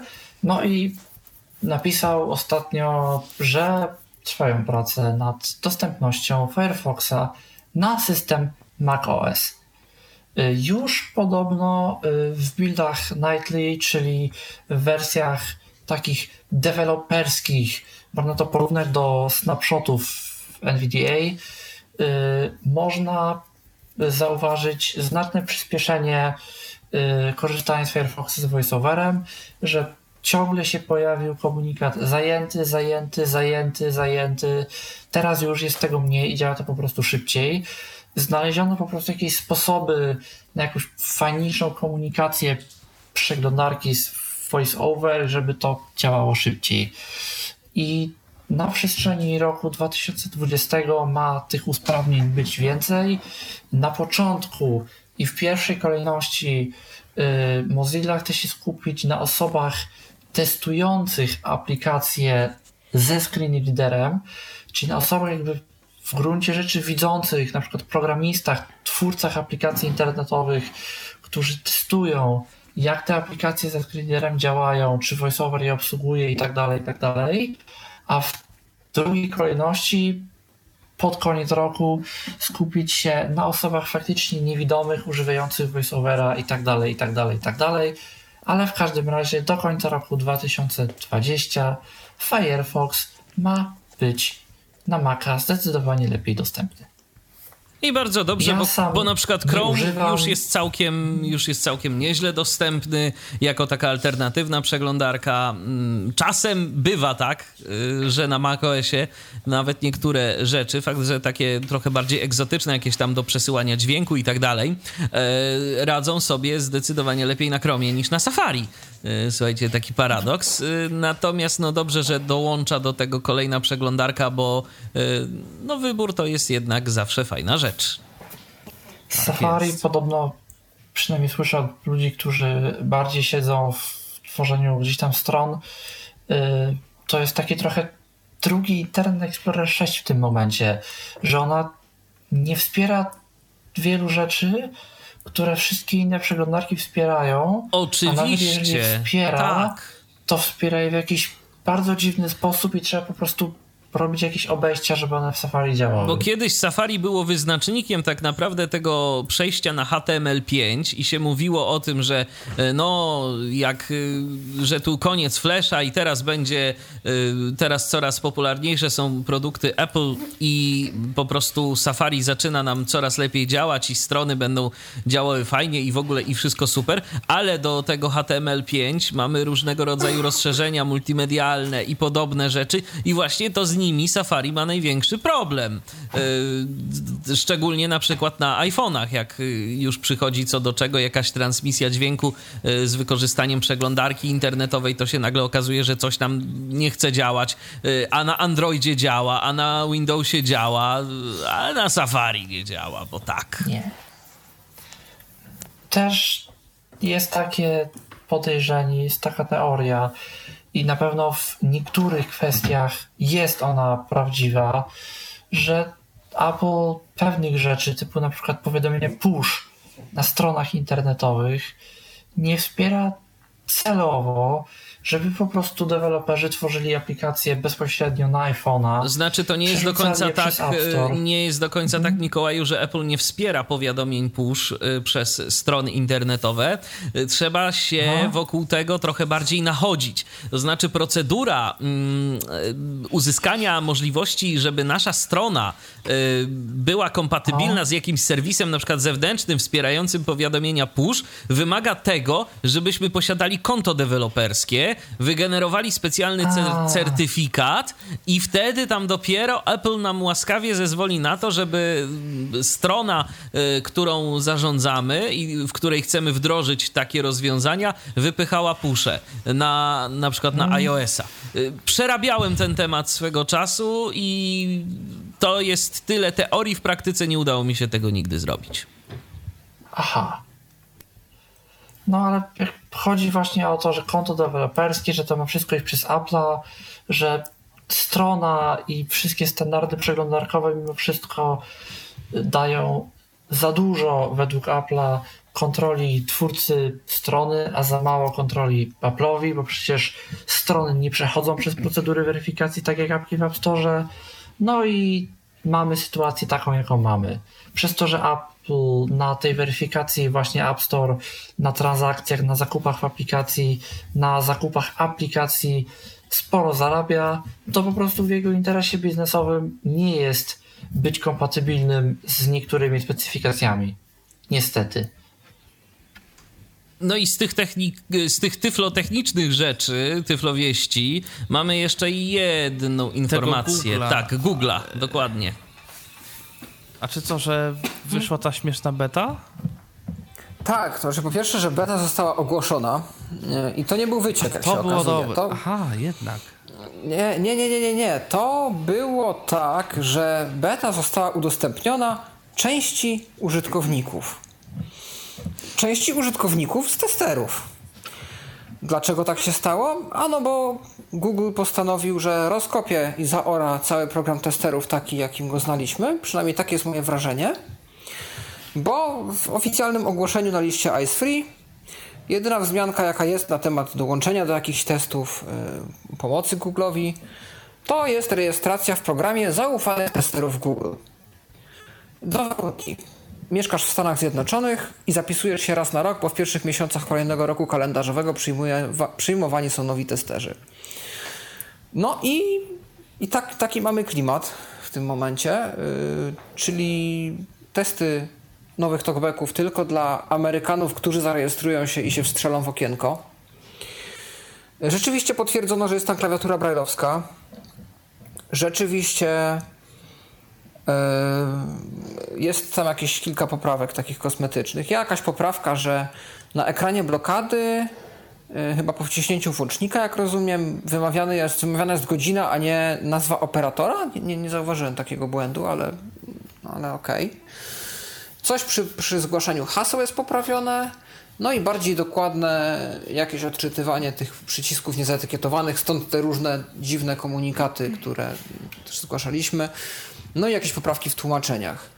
No i, i też jakieś tam w wysokim kontraście poprawki. No i w zasadzie to jest wszystko w tej wersji. Yy, Ale to jest bardzo no właśnie, żadnego dyskryminujące. komentarza. Zgadzam Ale się. Żadnego komentarza, dlaczego tak się stało, jak się stało z tymi testami. Yy, żadnej informacji, co z, właśnie z innymi. Yy, zdaje się, to wszystko jest na podstawie tego maila, którego dostałem na Ice Free, że ten program testerów zaufanych to w tym momencie jedna możliwość, żeby testować nowe bety czegokolwiek. I to jest właśnie jakaś grupa zaufanych testerów dostępności. Więc to jest nawet y, specyficznie jakby grupa y, specjalnie ustawiona pod dostępność. No i no nie jest to za ładne posunięcie. To muszę przyznać. Jeszcze, żeby to dziwne. jakby, nie wiem, podali argument, by, by dlaczego tak się stało. Nie no, w ogóle ja tego nie, nie, nie pojmuję. A czy to Nie, są wielkie komunikacja- korporacje? A wielkie korporacje nie muszą się tłumaczyć z niczego w zasadzie, jeżeli to zwłaszcza tyczy się małej ilości klientów. Niestety taka jest prawda. Natomiast znając, y, znając różne realia, y, w związku z tym, że to z Google, no podejrzewam, te aplikacje będą sobie krążyły po internecie w jakichś tam wersjach. To jest jedna rzecz, a, a tak druga rzecz, że Tylko tyle, że ktoś, Ja kto ma betę z zagranicy, tak. nie będzie mógł swoich komentarzy napisać i po prostu sobie będzie miał. A czy nie może dojść do pewnego rodzaju buntu? Nie. Jest. Znaczy nie, jest, jest wątek. Jest wątek na 60 postów na grupie Ice Free e, o tym właśnie, że Google stosuje praktyki dyskryminacyjne. Tylko No podejrzewam, nikt- Google to niewiele z tym Nikt zrobi. się nie To musiał- Musiałyby nikt się nie do tego się podejrzewam za wziąć jakieś media większe, a nie wiem czy się wezmą. Tak naprawdę jedy, jedyna instytucja, jedyna instytucja, która y, mogłaby, mam wrażenie, na Google coś wymóc e, i w tej sytuacji oczywiście, która zaistniała i która y, i przed którą Google byłby w stanie się jakoś y, ugiąć, to myślę, że Unia Europejska, no bo w, st- bo w Stanach Zjednoczonych y, to nie jest problem, bo wszak o Amerykanów oni zadbali. E, Bliższa ciału koszula, jak wiemy. Natomiast, no, jeżeli gdzieś tam powiedzmy byłyby składane protesty, no nie wiem nawet za bardzo gdzie, y, w jakie, w jakie miejsce takie, takie Znaczy, no, protesty my, należałoby my po stronie składać. EBU to- Access Cast y, na pewno wyraziliśmy tam swoją opinię Mhm. też o tym. Ym, Natomiast, no nie wiemy, czy to da. No, to jest podcast Europejskiej Unii Niewidomych. No, możemy wierzyć w to, że to będzie miało jakąś siłę przebicia, ale to trzeba będzie odczekać. Pożyjemy, zobaczymy. No myślę, że jest to tak naprawdę jedyna instytucja, bo wiemy, że Google i- jednak z Unią się liczy z różnego rodzaju decyzjami unijnymi, no bo po prostu to oni mają tu duży rynek zbytu. Więc może, No więc może. Ja bym się jakoś wielce nie buntował. Był podcast o NordVPN-ie swego czasu, może warto go w tym momencie wykorzystać. Wiesz co, no z jednej strony tak, tylko z drugiej strony pytanie, czy to nie jest jakoś powiązane i mm, kontrolowane bardziej osobiście, e, z uwagi na to, że tam jest też drugi program jakby taki siostrzany y, testów na miejscu różnych rzeczy. Aha. Więc jakby ten program jest testem niby aplikacji, ale obawiam się, że to może być w jakiś sposób potem weryfikowane, że oni cię w razie czego zaproszą na jakąś tam ankietę, e, więc dojdzie do kontaktu osobistego i to gdzieś wyjdzie prędzej czy później. To nie jest kwestia jakiejś zwykłej formalności, tak się obawiam. No, ale jeżeli, jeżeli oni No, faktycznie chcą razie- kontakt osobisty, a biuro mają na przykład w Stanach, to jakby zrozumiałym jest w tym momencie skąd, skąd taka, a nie inna inicjatywa i skąd takie inne reguły. Tak, tylko pytanie, czemu to zostało ograniczone, czemu zostało tak prze... Zresztą lista Ice Free się też zamyka jako pole dyskusji. Ona będzie od początku kwietnia tylko i wyłącznie listą ogłoszeniową ze strony Google'a. E, I no moje podejrzenie jest takie, że w momencie, kiedy się dało dostęp y, wszystkim, jak leci, to z jednej strony było dużo feedbacku, z którym, jak mam być szczery, Google niewiele robił. Bo umówmy się, to co wychodziło w pierwszej wersji beta było bardzo zbliżone do efektu końcowego. Tam poprawki wychodziły w momencie, no, jakieś parę krytycznych błędów może było łatanych, takich showstopperów. Ale poza tym to, jak coś było potężnie zwalone w designie samej funkcji, to raczej to tak zostawało, niestety. A z drugiej strony oni dostawali tak olbrzymie fale krytyki i nie mówię o konstruktywnej, tylko a tak w stylu, że Google nic nie robi, że to się wszystko stoczyło, że to wszystko nie ma sensu, że iPhone lepszy, że chyba, chyba się tam państwo pod, poddali i stwierdzili, że tak to nie ma sensu, że trzeba mieć grupę ludzi, co do których się ma zaufanie i się wie, Bo też wiedzą z drugiej strony, że oczekiwania są wielkie, że jest co nadganiać, że oczekiwania są wielkie, że te oczekiwania po raz kolejny nie będą zaspokojone i ym, no ich taktyką na to jest ograniczyć po prostu gru- grupę ludzi, którzy mogą te swoje frustracje wylewać. No nie jest to może do końca Ja najszczęśliwsze gdzieś- rozwiązanie, ale Widziałem w ogóle dyskusję. takie wymyślili. Nie wiem, mi się dyskusje i Android kojarzy po prostu ewidentnie nierozłącznie z jakimś Pakistanem, względnie innymi Indiami i osobami, które próbują po angielsku i im to różnie wychodzi. Znaczy wiesz co, nawet pisali ludzie na listy często tłumaczem googlowym, y, pisząc wiadomość w swoim języku i w języku angielskim po tłumaczu, więc to było naprawdę super, bo w jakiś sposób byli usłyszeni. No wielka szkoda, że właśnie testy na tym polegały, że wychodziła wersja pierwsza, okazywało się, że ma tych błędów, zwłaszcza jak wchodziła nowa funkcja, okazywało się, że design tej funkcji jest nie do końca taki, jakby sobie to ludzie wyobrażali. I tu też nie chodzi o jakieś preferencje, tylko tam autentycznie albo coś nie działało jak trzeba było, albo coś nagle zostało pominięte, albo brakowało jakiegoś bardzo ważnego elementu. To się zgłaszało. Rzeczywiście parę błędów tam jakieś wyszły, następna jakaś jedna, dwie bety. Które jakieś powiedzmy najbardziej palące błędy eliminowały, po czym wychodziła wersja produkcyjna. Słuchajcie, tak a propos Pakistanu i, tego, i tego typu miejsc, y, to wczoraj na grupie takiego projektu, myślę, że w środowisku niewidomych y, dość dobrze kojarzonego, Blind Help Project, y, projektu, na którym to różne rzeczy można znaleźć i tam, Nie do końca i tam legalne, prawem autorskim nie to do się, końca z Europy. Tak, i tam prawem autorskim to się średnio ktokolwiek przejmuje. Y, To ostatnio widziałem, że tam na grupie Blind Help Project ktoś Eltena polecał, także możemy spodziewać się nowych y, użytkowników z zagranicy. No to będzie ciekawie, Będzie ciekawie. super. Tłumaczenie interfejsu ogóle- na 26 języków? No, polecam. A w ogóle, a w ogóle a propos. Eltena, to autor stwierdził, że nie będzie robił wersji na Androida, bo nie jest w stanie ogarnąć dwóch platform. Po prostu musi coś wybrać i wybrał iPhone'a, więc A to już kiedyś wspominałeś, Tomku. No, Tak? nie, A, niechby, tak, chociaż, niechby chociaż zrobił na jedną, a potem można się zastanawiać nad y, resztą. Na razie czekamy Dobra. na iOS. To co, przechodzimy na Technikalia, czy na przykład Kasia miałoby coś jeszcze z tej, y, z tej takiej naszej strefy? Nie, ja już chyba wszystko powiedziałam, co miałam. Okej. Znaczy, tak się...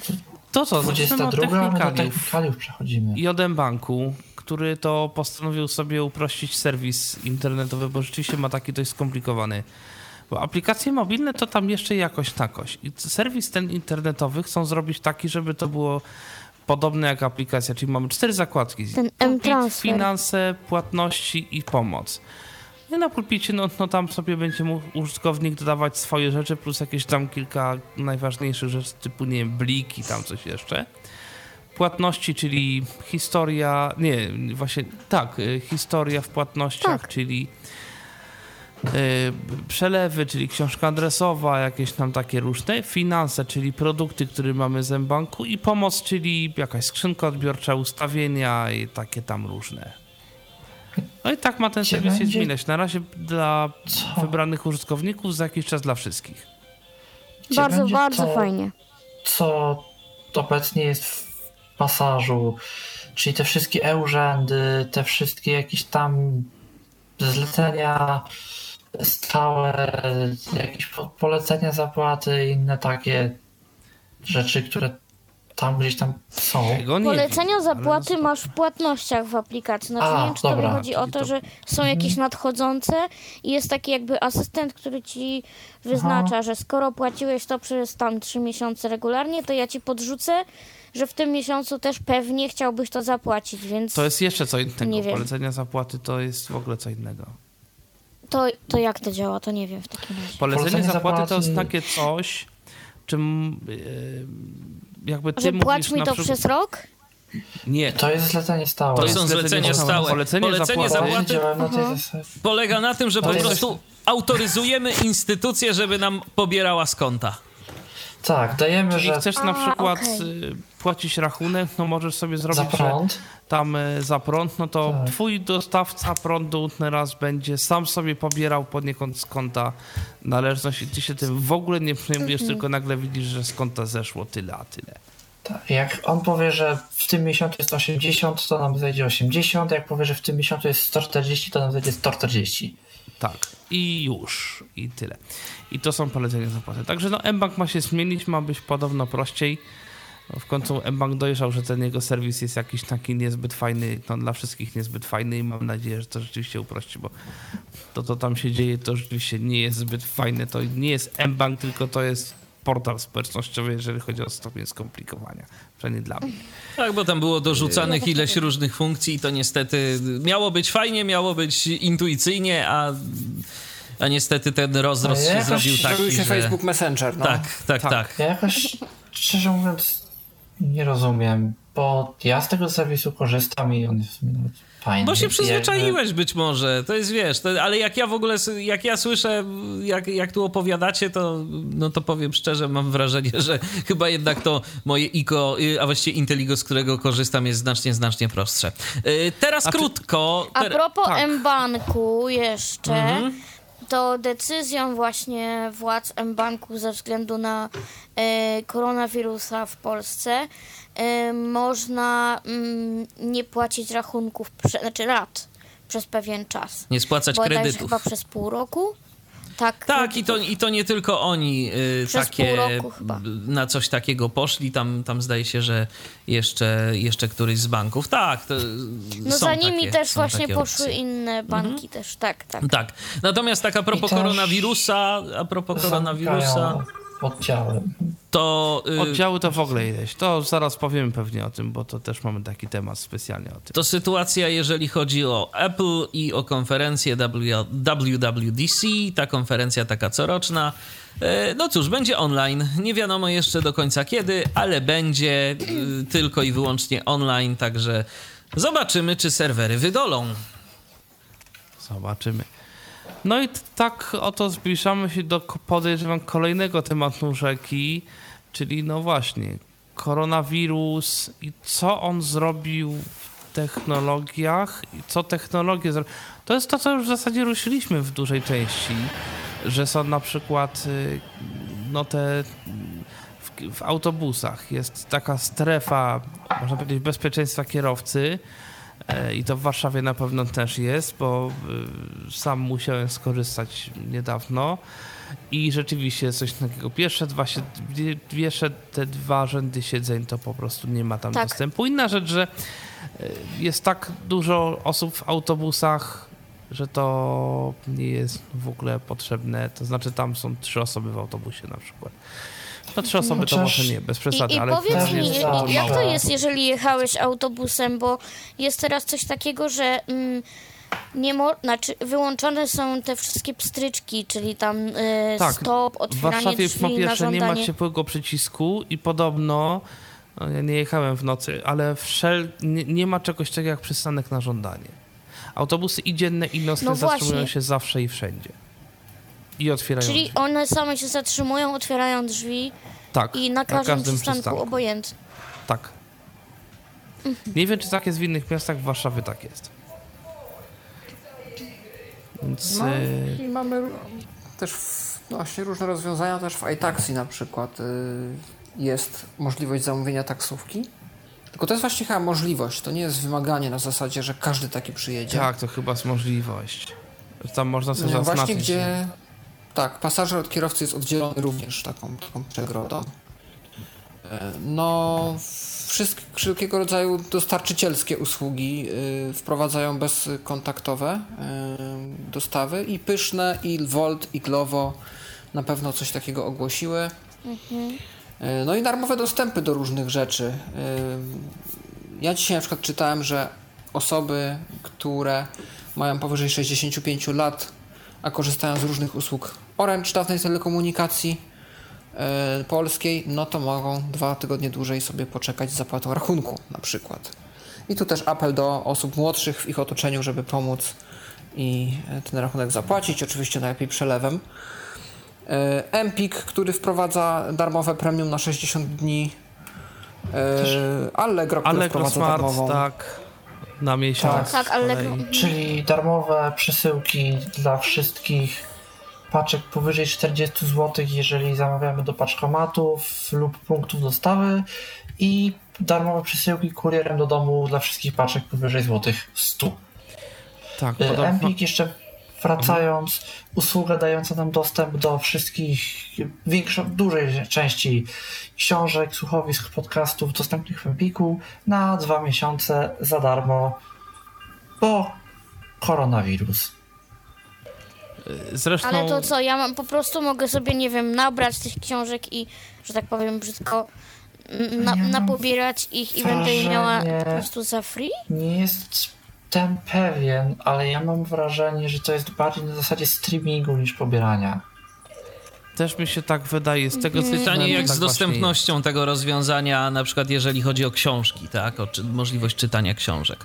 Czy jest to Chyba jakiś... jakoś się No da, właśnie. ale no nie jest no jakoś Ale nie da się tego za, zaaplikować Chyba tej książki na da. przykład do jakiegoś zewnętrznego czytnika. Ale słuchajcie, to tak jeszcze... Nie, No nie da właśnie. No Ale- o tym właśnie mówiliśmy. Ale jeszcze, Tak. ale jeszcze, jeszcze a propos takich rzeczy, e, no to też księgarnie internetowe mają różnego rodzaju promocje. Mm, tu nie ma za darmo, ale warto obserwować, bo teraz y, na czasy kwarantanny y, no, pojawiają się różnego rodzaju też obniżki.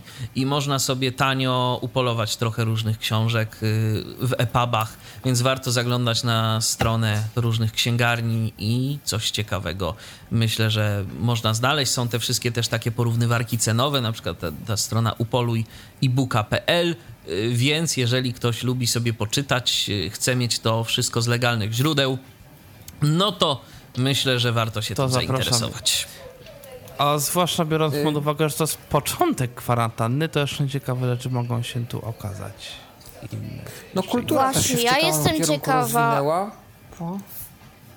E, mm, jakby ja jestem pod względem takiej trochę psychologii i ja jestem bardzo ciekawa, kiedy to wszystko siądzie i kiedy ludzie już nie wytrzymają siedzieć w tych domach, bo wiem, na pewno wiem, że kiedyś to nastąpi. Że jeżeli będziemy to tak przedłużać, no nie, nie, no to dwa tygodnie to za mało, jeszcze do miesiąca. No nie, nie, po tym miesiącu, no jeszcze dwa tygodnie. Wiem, że kiedyś ta bańka pęknie To i znaczy, jestem ja ciekawa. mam chyba ja mam wrażenie, że chyba jednak trochę ten problem wyolbrzymiamy w tym momencie, bo nie jest to przecież sytuacja taka jak w Chinach, że na ulicach mamy wojsko, wojsko nam zabija deskami y, wejścia do domów. I, mm. I gdzieś tam powiedzmy nawet taka i, jak we dowozi, Włoszech. i dowozi jedzenie. I Chociaż- zaspawuje mieszkania. tak, chociaż, ta, chociaż tak naprawdę ja słyszałem wypowiedzi co niektórych lekarzy, y, już takich trochę poirytowanych, że tak naprawdę należałoby tak zrobić i byłby to sposób y, na poradzenie sobie z tym, bo sobie ludzie niestety, ale lekceważą y, powagę problemu. No bo zwłaszcza, że było, nie było Chiny, naprawdę poradziły sobie nieźle z koronawirusem, biorąc pod uwagę, ile tam przecież żyje ludzi.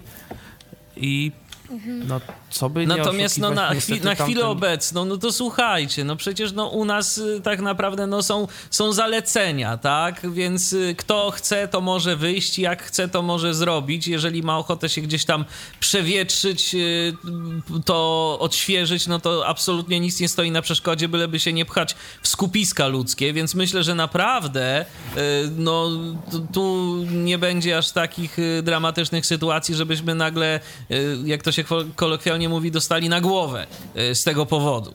Więc spokojnie. Zwłaszcza, że na przykład mam też znajomych y, we Włoszech i oni opowiadali, że tam jest z kolei tak, że przed wyjściem trzeba wydrukować sobie jakiś certyfikat czy dokument taki, gdzie idziemy, po co idziemy i z tym dokumentem trzeba wyjść. I jest policja i trzeba taki dokument policji pokazywać. We Francji też to weszło dziś o 12 w południe. Ciekawe, jak ktoś jest panem starszym, lat Można mieć 80, internetu zero, drukarki Podobno zero. jest coś takiego, że we Włoszech y, te druczki też chyba policja ma przy sobie i można tam chyba jak- jakoś wypełnić. Chyba. Tak, to można jakoś w ogóle samemu wypisać. To jakoś tam działa tak. Można mieć też PDF-a, jeśli chodzi o dostępność, jakoś można mieć to też w formie elektronicznej przy sobie. Natomiast ciekawie też y, kultura i, i różnego rodzaju streamy się rozwinęły i tutaj w ogóle jestem pod ogromnym wrażeniem siły Twittera jako medium na to, żeby w ogóle przetrwać te burzliwe czasy, bo ludzie zaczęli robić różne wątki. Od akcji Twitterowy Tinder, gdzie ludzie autentycznie zrobili hashtaga, żeby się poznać nawzajem, em, przez to, że jakaś pani w Anglii zrobiła wątek, w którym wrzuca linki do streamów różnych zwierząt z różnych ogrodów zoologicznych.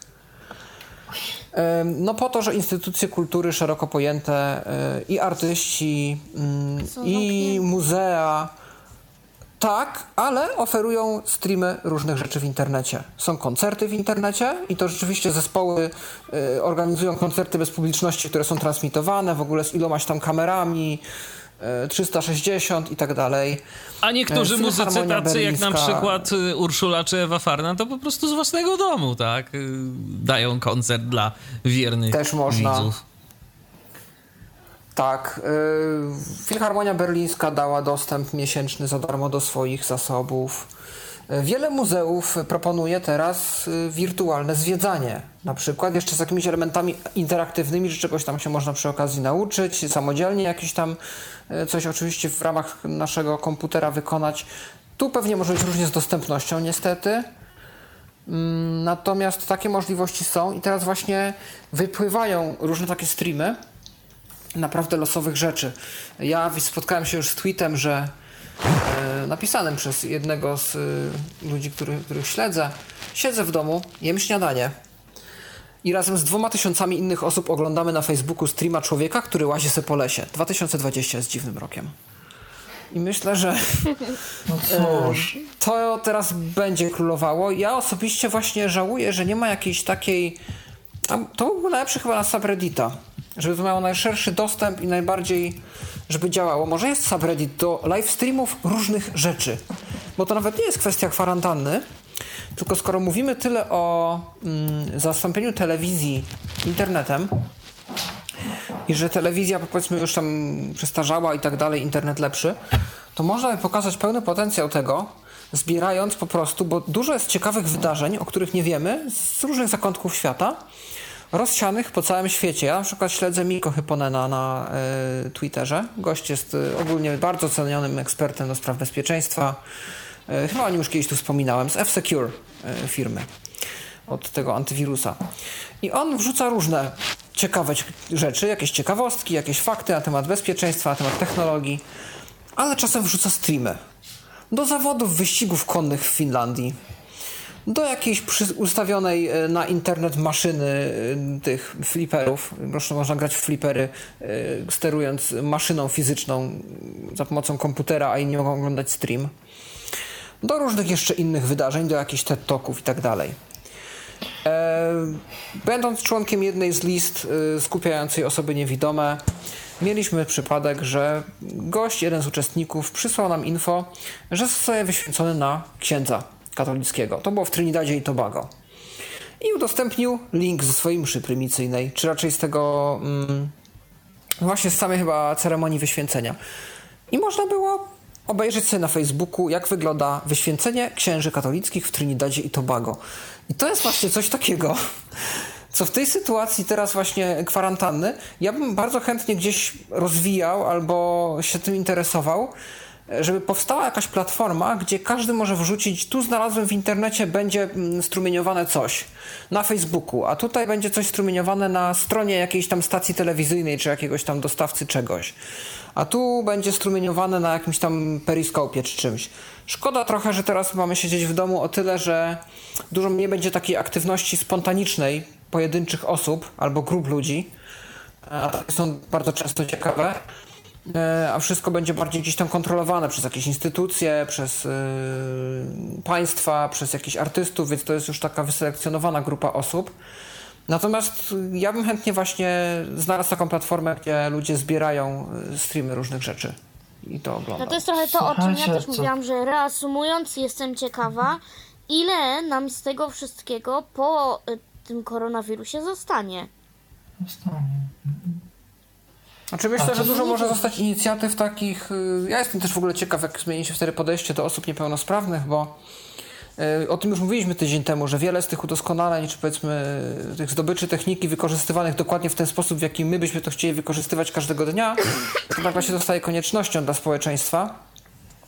Ale też trafiłem na opinię, że teraz do społeczeństwa też dociera, że niepełnosprawność, nie niepełnosprawność. Każdy z nas w którymś momencie się stanie zależny, będzie potrzebował jakiejś pomocy z czymś. Czegoś nie będzie miał, do czegoś nie będzie miał dostępu, y, z czymś nie będzie mógł sobie poradzić, bo nagle wybucha pandemia. O tym się nie myśli, czy jakaś wojna, nie daj Boże. Y, Ale nagle się okazuje, że powstaje taka globalna sytuacja zagrożenia, w której w ten czy inny sposób y, każdy staje się poniekąd niepełnosprawny. No i to Tym jest ciekawe, jak to może wpłynąć. Podobno takich y, mm, właśnie zjawisk ma być więcej, no bo właśnie to też jest trochę kwestia ocieplania się klimatu. Y, I ten wirus też y, podobno ma takie podłoże, że to też troszkę jest. Bo są, znaczy nie wiem, nie, nie wiem, czy nie chcę tutaj tak za bardzo roz, roztaczać jakichś takich, ale gdzieś czytałam też, że Jedna kwestia to jest, że koronawirus jest odzwierzęcy, w sensie od tych właśnie, a druga, że mm, topnieją nam lodowce i pod tymi lodowcami nie wiemy co jest. Tam jest masa różnych bakterii i masa różnych wirusów, które były zamrożone mm, pod lodem, a teraz nam wychodzą na światło dzienne. I jest no, sporo takich właśnie naukowców, którzy uważają, że to też je, może być właśnie mm, podstawa do tego, że mamy takie właśnie koronawirusy i różne wirusy. Dobrze, myślę, że to warto, żebyśmy sobie najpierw z jednym poradzili, a dopiero później niech tam coś następnego no, wiem, wychodzi, bo to... No, no okej, tylko że ja właśnie tak trochę jakby mówię w stosunku do tego, co Paweł powiedział, że tak naprawdę nigdy nie wiemy, kiedy nam się to może przydać. Owszem.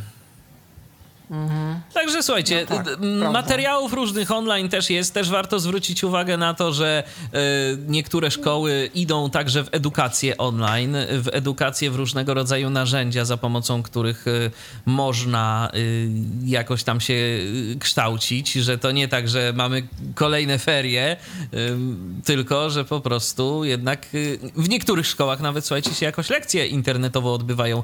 Mikołaju, a jak to jest z ciekawości u ciebie? Jakoś coś e, Z działa? racji, że to rok maturalny, to bardziej zróbcie na dzień i wyślijcie ewentualnie na tej zasadzie. A w młodszych klasach y, wiesz coś na ten temat? Coś jest. Też się starają na tej zasadzie, jeżeli mogą. Coś tam jest robione.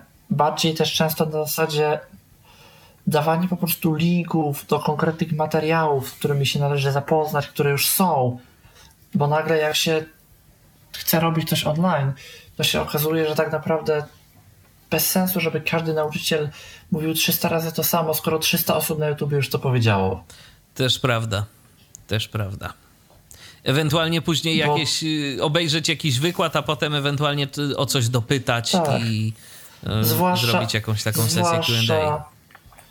Że jeżeli chodzi o internet, to każdy może mieć jakiegoś swojego ulubionego, nie jest skazany na jeden konkretny sposób, jedno konkretne źródło, tak jak jest to w przypadku, że tak stacjonarnych jakichś opcji, ale może sobie wybrać przecież źródło, bo jeden się woli uczyć z animacji i obrazków i wybierze kogoś, kto pokazuje wszystko na animacjach i obrazkach, a drugi lubi tekst i teorię i wybierze sobie artykuł w internecie, który jest po prostu czystym tekstem bez wideo i bez człowieka opisującego. A internet to jest tak naprawdę w dzisiejszych czasach ogromna skarbnica wiedzy i nic tylko przebierać i szukać.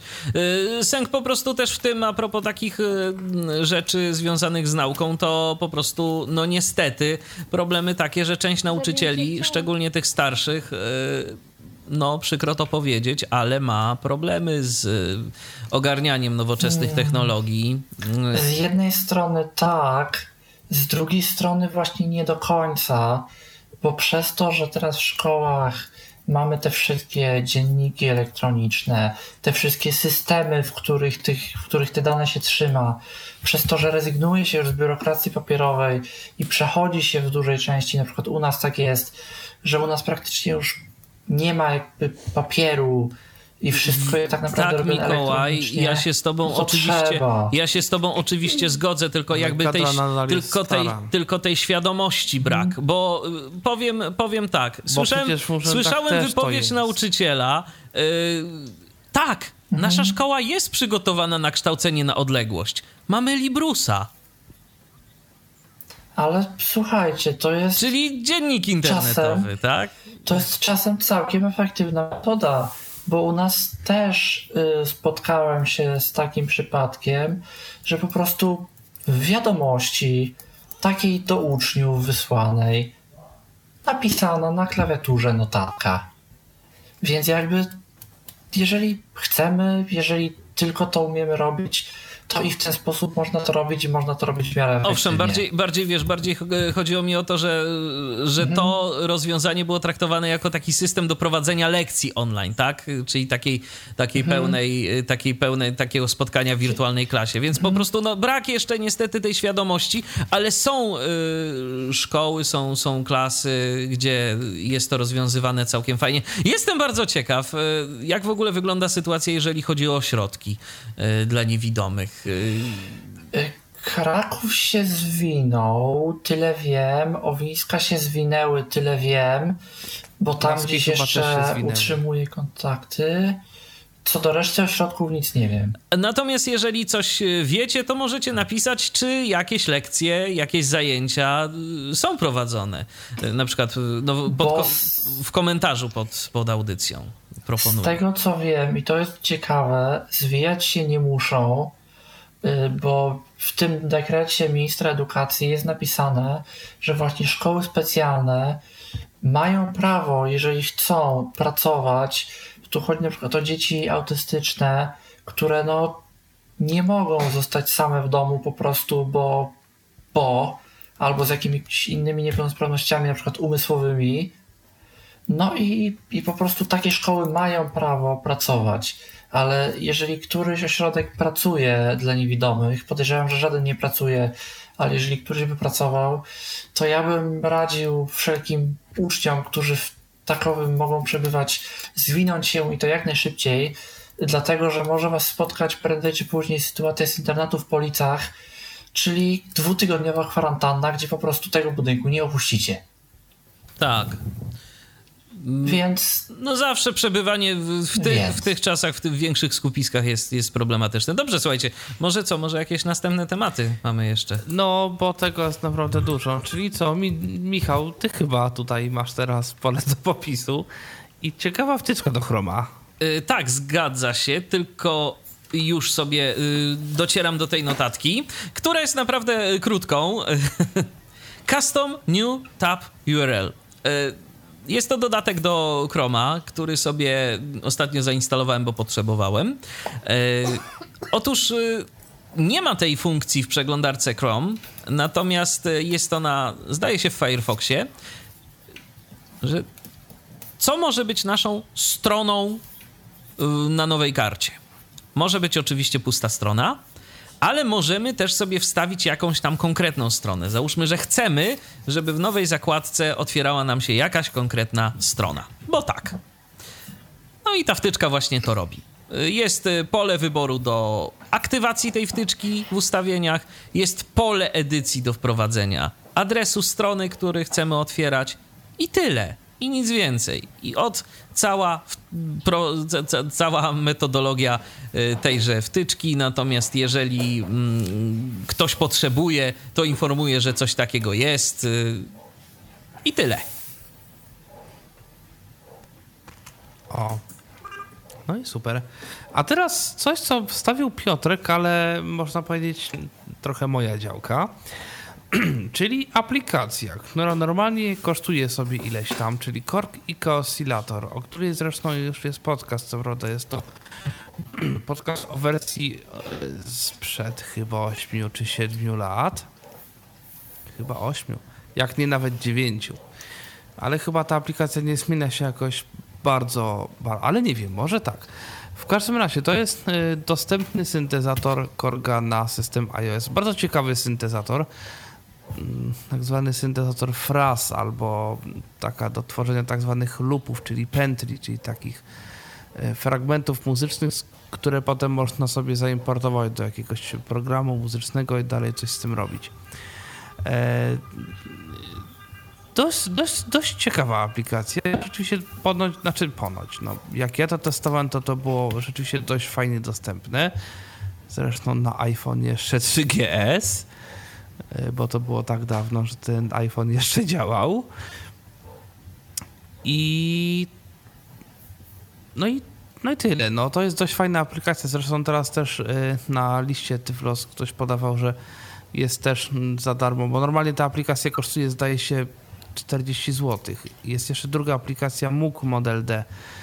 MOOC to jest w ogóle firma takich klasyków nad klasykami, jeżeli, jeżeli chodzi o syntezatory. Syntezator Muga to jest jak, nie wiem, yy, jak IBM PC albo nie wiem co, no, słucham?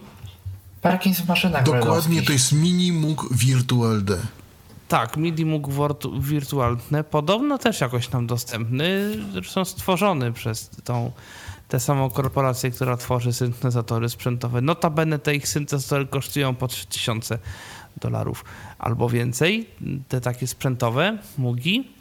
Eee, także no, jak ktoś chce się tym pobawić. Ja no tylko no to... a propos tego Korga, to jeszcze dodam, bo zainstalowałem sobie. Mm, aplikacja jest za darmo, natomiast jeżeli chcemy sobie tam pobierać e, jakieś zestawy dźwięków, e, to coś jest płatne. Chyba jakiś bank e, do tworzenia takiej muzyki elektro. Można sobie dodatkowo zakupić. Nie wiem, czy to tak normalnie też jest, czy jak kupujemy te aplikacje, to dostajemy już wszystko, ale są pewne opcje do mm, rozszerzenia możliwości tej aplikacji, które możemy sobie dokupić. Ale podstawa jest za darmo. U mnie nie było takich rozszerzeń i podejrzewam, że można je kupić poza wszystkim, również do płatnej aplikacji. Tak myślę, ale pewien nie jestem. Ale... Brakuje mi w tych wszystkich aplikacjach połączenia się na Bluetooth z klawiaturką.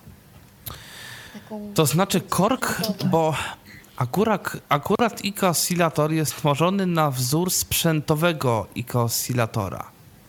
I to jest bardzo nietypowy syntezator, bo tam masz taki, mm, w tej wersji sprzętowej, tam też masz taki jakby panel dotykowy, masz dwie osie X, Y i zazwyczaj na osi X masz też jakieś dźwięki takie ułożone zazwyczaj w jakiejś tam skali, na osi Y masz jakiś parametr, w zależności od brzmienia on jest tam różny. I tam masz kilka ścieżek, na kilku ścieżkach możesz sobie nagrywać taką, takie coś. I to sobie potem zapisać to jest bardzo nietypowy syntezator mm, i on jakby nie jest stworzony do grania przez klawiaturę sterującą. Natomiast to, ty, to, to o czym ty mówisz, to jest zrobione i jest już sporo syntezatorów na iOS-a, e, w tym naprawdę dobrej jakości, na przykład Sample Tank, e, to jest taki sampler na iOS-a. Nie wiem jak teraz, ale on kiedyś był też naprawdę w miarę dostępny można było podłączyć klawiaturę. Wtedy jeszcze na to gniazdo 30-pinowe tam trzeba było kupić przejściówkę. Teraz można kupić interfejs yy, na przykład z firmy też IK Multimedia, iRig MIDI albo tam coś jeszcze i podłączyć sobie dowolną klawiaturę sterującą, która, która to obsługuje. Wiem, że są klawiatury na Bluetooth, nie wiem jak one obsługują yy, yy, sprzęty z iOS-em, ale podobno są. A biorąc pod uwagę, że ten system ma całkiem niezłe audio, jeżeli chodzi o opóźnienia między innymi, to ja jestem w stanie yy, wysnuć hipotezę, że można całkiem fajnie na tym, na tym sprzęcie sobie pograć. Yy, nie wiem, jak z dostępnością teraz tych, tych syntezatorów. Kiedyś było nieźle. No podejrzewam, że GarageBand będzie dostępny i tam, on tam ma te brzmienia takie, a takie jakieś tam w miarę na pewno lepsze od tego, co jest na przykład wbudowane w Windows. To bez dwóch zdań. Na pewno jest kilka fortepianów, które zajmują na przykład podobno jedną z największych aplikacji na iOS jest właśnie fortepian, który zajmuje kilkanaście giga. O matko. Fortepian. I to jest y, no te fortepiany w wersji VST, czyli tych, tej takiej, którą się stosuje do tworzenia muzyki, takiej no, w cudzysłowie prawdziwej, to znaczy taką, jak się tworzy, no tak po prostu. Siedzi sobie człowiek w domu, ma, dom, ma studio i tworzy muzykę, nie wiem, do gier albo tam jakąkolwiek, to te instrumenty też tyle potrafią zajmować, więc to podejrzewam, że to jest naprawdę profesjonalnej jakości instrument. Ten fortepian, który ma kilkanaście giga i podejrzewam, że naprawdę można na nim zagrać e, w sposób bardzo, bardzo, bardzo naturalny właśnie z użyciem takiej klawiatury, więc to też jest jakiś sposób na to, żeby jak ktoś tutaj y, lubi muzykować, to możliwe, że też tutaj może coś znaleźć dla siebie. Ja niestety nie mam iOS-a. Gdybym miał, to bym pewnie testował za jakiś czas jakieś tego typu aplikacje, bo, bo ich, ich jest sporo, bo iOS ma dość fajnie ten system właśnie audio rozwiązany i takich syntezatorów nam jest no, Jak ja to testowałem w roku 2010 czy 2011, to ich było kilkanaście dostępnych. I też całego tego osprzętu wokół AI urządzeń jest y, sporo dla muzyków, różnego tak. rodzaju tak. interfejsy podłączane, no teraz na Lightning, y, możliwość tak. całego sparowania iluś iPadów na przykład razem do jakiegoś tam systemu, że wychodzą sobie muzycy i grają na iPadach, tak? Mają, mają swoje instrumenty tak. tam na iPadach i sobie grają. Także tak, no jest to potrafią ten cały być naprawdę profesjonalnej jakości syntezatory, instrumenty, e, które mają bardzo rozbudowane, no, które są bardzo rozbudowane, mają naprawdę dobrej jakości ten dźwięk. E, I to wszystko naprawdę ładnie gra. I można naprawdę na tym robić dobrej jakości koncert na wysokim poziomie. No, nie wiem, czy ty, Tomaszu, coś widziałeś, ale mi się przewinęło przez Twittera co prawda się też jakoś nie interesowałem bardziej, bo to totalnie nie moja działka, że firma Kokos y, od Reapera y, jakąś napisała licencję na potrzeby właśnie epidemii koronawirusa. Y, idea ma być taka, nie wiem jakie są dokładnie warunki, ale że osoby, które jakby mają to w pracy i mają to do użytku jakkolwiek komercyjnego, mogą tego używać w domu do takiego samego użytku, nawet jeżeli w domu takiej licencji nie mają. To znaczy w sensie to, czyli Reapera. Reapera tak. chyba, no. A to muszę sprawdzić, bo to rzeczywiście może być ciekawe. No ale to rzeczywiście no, wymagałoby gdzieś... z tego, co rozumiem, tego, żeby w pracy mieć taką licencję komercyjną już wykupioną. No, z tego, co widziałem, tak ale jakby nie, nie wczytywałem się w te warunki, bo, mówię, to był przeleciał To ja spróbuję poszukać dobra, tego, okay. a tutaj Paweł albo Michał spróbujcie opowiedzieć o folding, folding at home, bo to jest też ciekawa jakaś inicjatywa. No właśnie, bo siedzimy w domu, a chcielibyśmy z niego wyjść. No i się okazuje, że możemy przyczynić się do tego, że może szybciej z niego wyjdziemy pożyczając naukowcom, którzy pracują nad szczepionką na koronawirusa, nasze zasoby komputerowe. Ogólnie sama idea nie jest nowa, bo już y, ten dystrybuowana siła komputacyjna y, była wykorzystywana wcześniej, na przykład do jakichś badań kosmicznych. No i właśnie tu jeszcze tak, na, tak na, na marginesie, Pawle, mhm. SETI at Home był taki projekt i przy tej okazji warto wspomnieć, że bodajże z końcem marca kończy się ten projekt. SETI at Home się kończy, y, przestają być już przetwarzane mm, te próbki danych z radioteleskopu i teraz naukowcy po tych kilkudziesięciu tak naprawdę, to tam chyba po dwudziestu jeden latach, albo dwudziestu, albo dwudziestu paru latach nawet, mają się skupić na analizie tego, co udało się użytkownikom y, przetworzyć wspólnie. I teraz ma być to, teraz ma być to mhm. wszystko analizowane. Ale właśnie takim pierwszym projektem, który działał na tej zasadzie, to był projekt SETI at Home. Z radioteleskopu otrzymywaliśmy różnego rodzaju sygnały, różnego rodzaju jakieś tam próbki danych i je przetwarzaliśmy wspólnie z innymi użytkownikami. No i szukaliśmy jakichś nietypowych sygnałów, obcych cywilizacji i być może czegoś jeszcze. To po prostu program, który sobie działał w tle na tak. komputerze, tak. pobierał sobie to, co na miał przykład w formie wygaszacza ekranu. Tak, mielił sobie, mielił, mielił, mielił, przemielił, co miał zrobić, policzył sobie jakby automatycznie sam, wysłał wyniki do serwera i pobierał sobie automatycznie następne.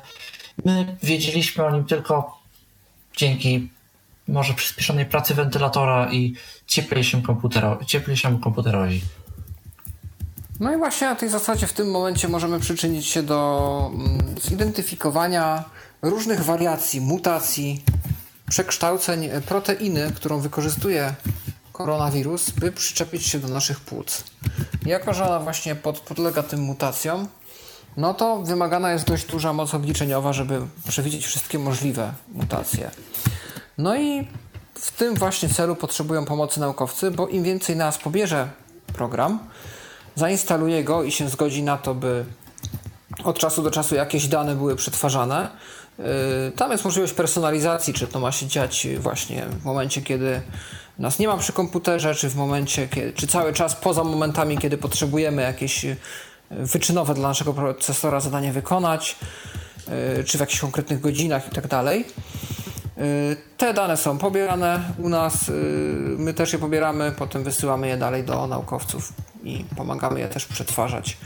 E, zdaje się, że podlega to też jakiejś kontroli. My możemy sprawdzić w ogóle, jakie dane tam coś jest Tak, bo to jest oczywiście grywalizacja cała. Pobieramy. Możemy zakładać sobie teamy yy, i możemy yy, rywalizować z innymi teamami. Mamy jakąś tablicę wyników, która pokazuje, który team najwięcej przetworzył i najlepiej tam działa. Także rzeczywiście no, jest, to, jest to takie mm, dość, dość fajne, jeżeli chcemy poświęcić moc obliczeniową swojego komputera i płacić trochę więcej za prąd, bo to też y, no, coś za coś, tak? Jeżeli będzie nam intensywniej komputer przetwarzał różnego rodzaju dane, to i więcej prądu może pobierać.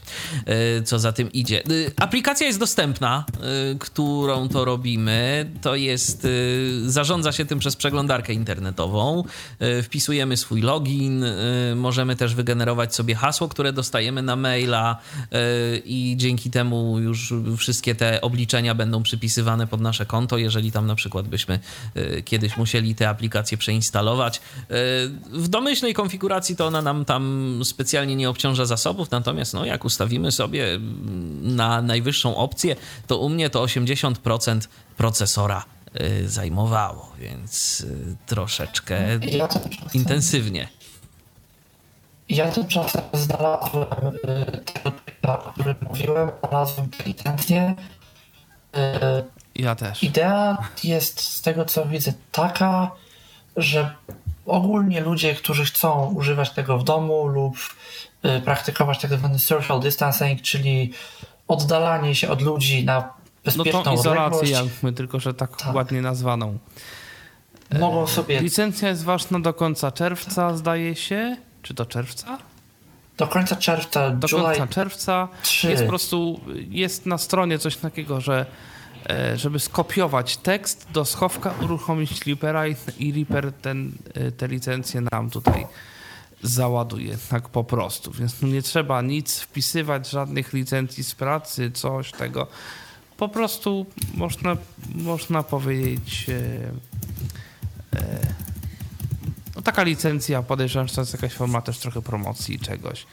Znaczy promocji, no myślę, że to jest no, bardzo fajne, jak, jak taki program robi coś takiego i to generalnie to działa po prostu. I tym bardziej, że Reaper jest bardzo dostępnym narzędziem. Zresztą, zresztą mogę to sprawdzić, bo jakby spełnia te warunki, bo ja rzeczywiście pracuję i w pracy mamy, mam wersję Reapera taką, e, taką no, w pracy, która jest normalnie zarejestrowana w domu, w domu no właśnie chcę to kupić, ale jakoś się jeszcze nie zdarzyło i zaraz mogę sprawdzić, czy to, czy to mi zadziała, ale podejrzewam, że tak i zobaczę, co tu się dzieje.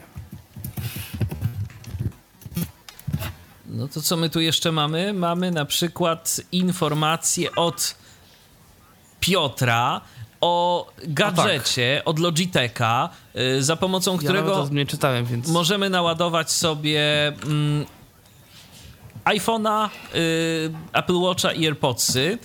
Y, cóż to takiego jest?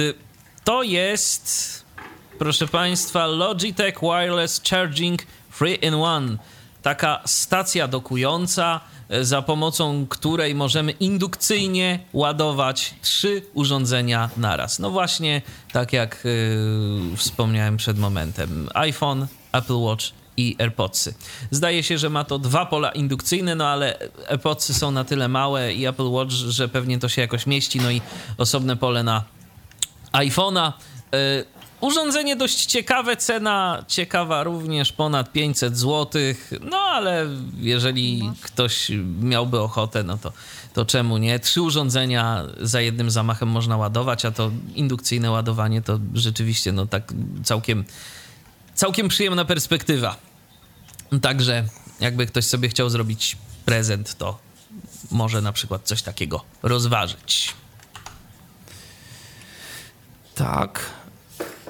A oprócz tego, i to jest chyba ostatnia informacja, przednia, jaką mamy tutaj e, w naszych notatkach, odnośnie dość ciekawego smartfona z Androidem, który ma dość dobre dane, generalnie prawie niczym się nie różni od większości współczesnych smartfonów Jedna jest różnica. Ekran. Cztery cale. Mały. No, Gdzie? tak. Jaki? I to jest kolejne dzieło państwa od Jellyfona, czyli Unihertz Atom XL. Aha. E, telefon, który aktualnie jest na niego zbierany na Kickstarterze, ale spokojnie, on już swój, swój target osiągnął. Te pieniądze już zostały zebrane i to w dużo za dużej ilości. A jeszcze 10 dni do końca jest, czyli nie 9. Więc y, spokojnie jakby produkcja się odbędzie. Telefon, który właśnie 4-calowy ekran. Jak tam było? 8 rdzeni chyba, nie? 8 rdzeni po 2 GHz Mediatek Helion P60. 6 GB RAMu, 128 GB wbudowanej pamięci. 48 megapikseli główny aparat. NFC, LTE wszystkie częstotliwości. Dwie, dwa sloty na kartę SIM. Jack 3,5 mm, a nawet podczerwień. A nawet wbudowana krótkofalówka chyba na DMR, czyli na tym cyfrowym standardzie e, transmisji. Czyli tak jakby PMR-ka, tylko cyfrowa, tak? Mieliśmy walkie-talkie kiedyś, takie no, gadania. No to jest mniej więcej tego typu radio wbudowane w telefon.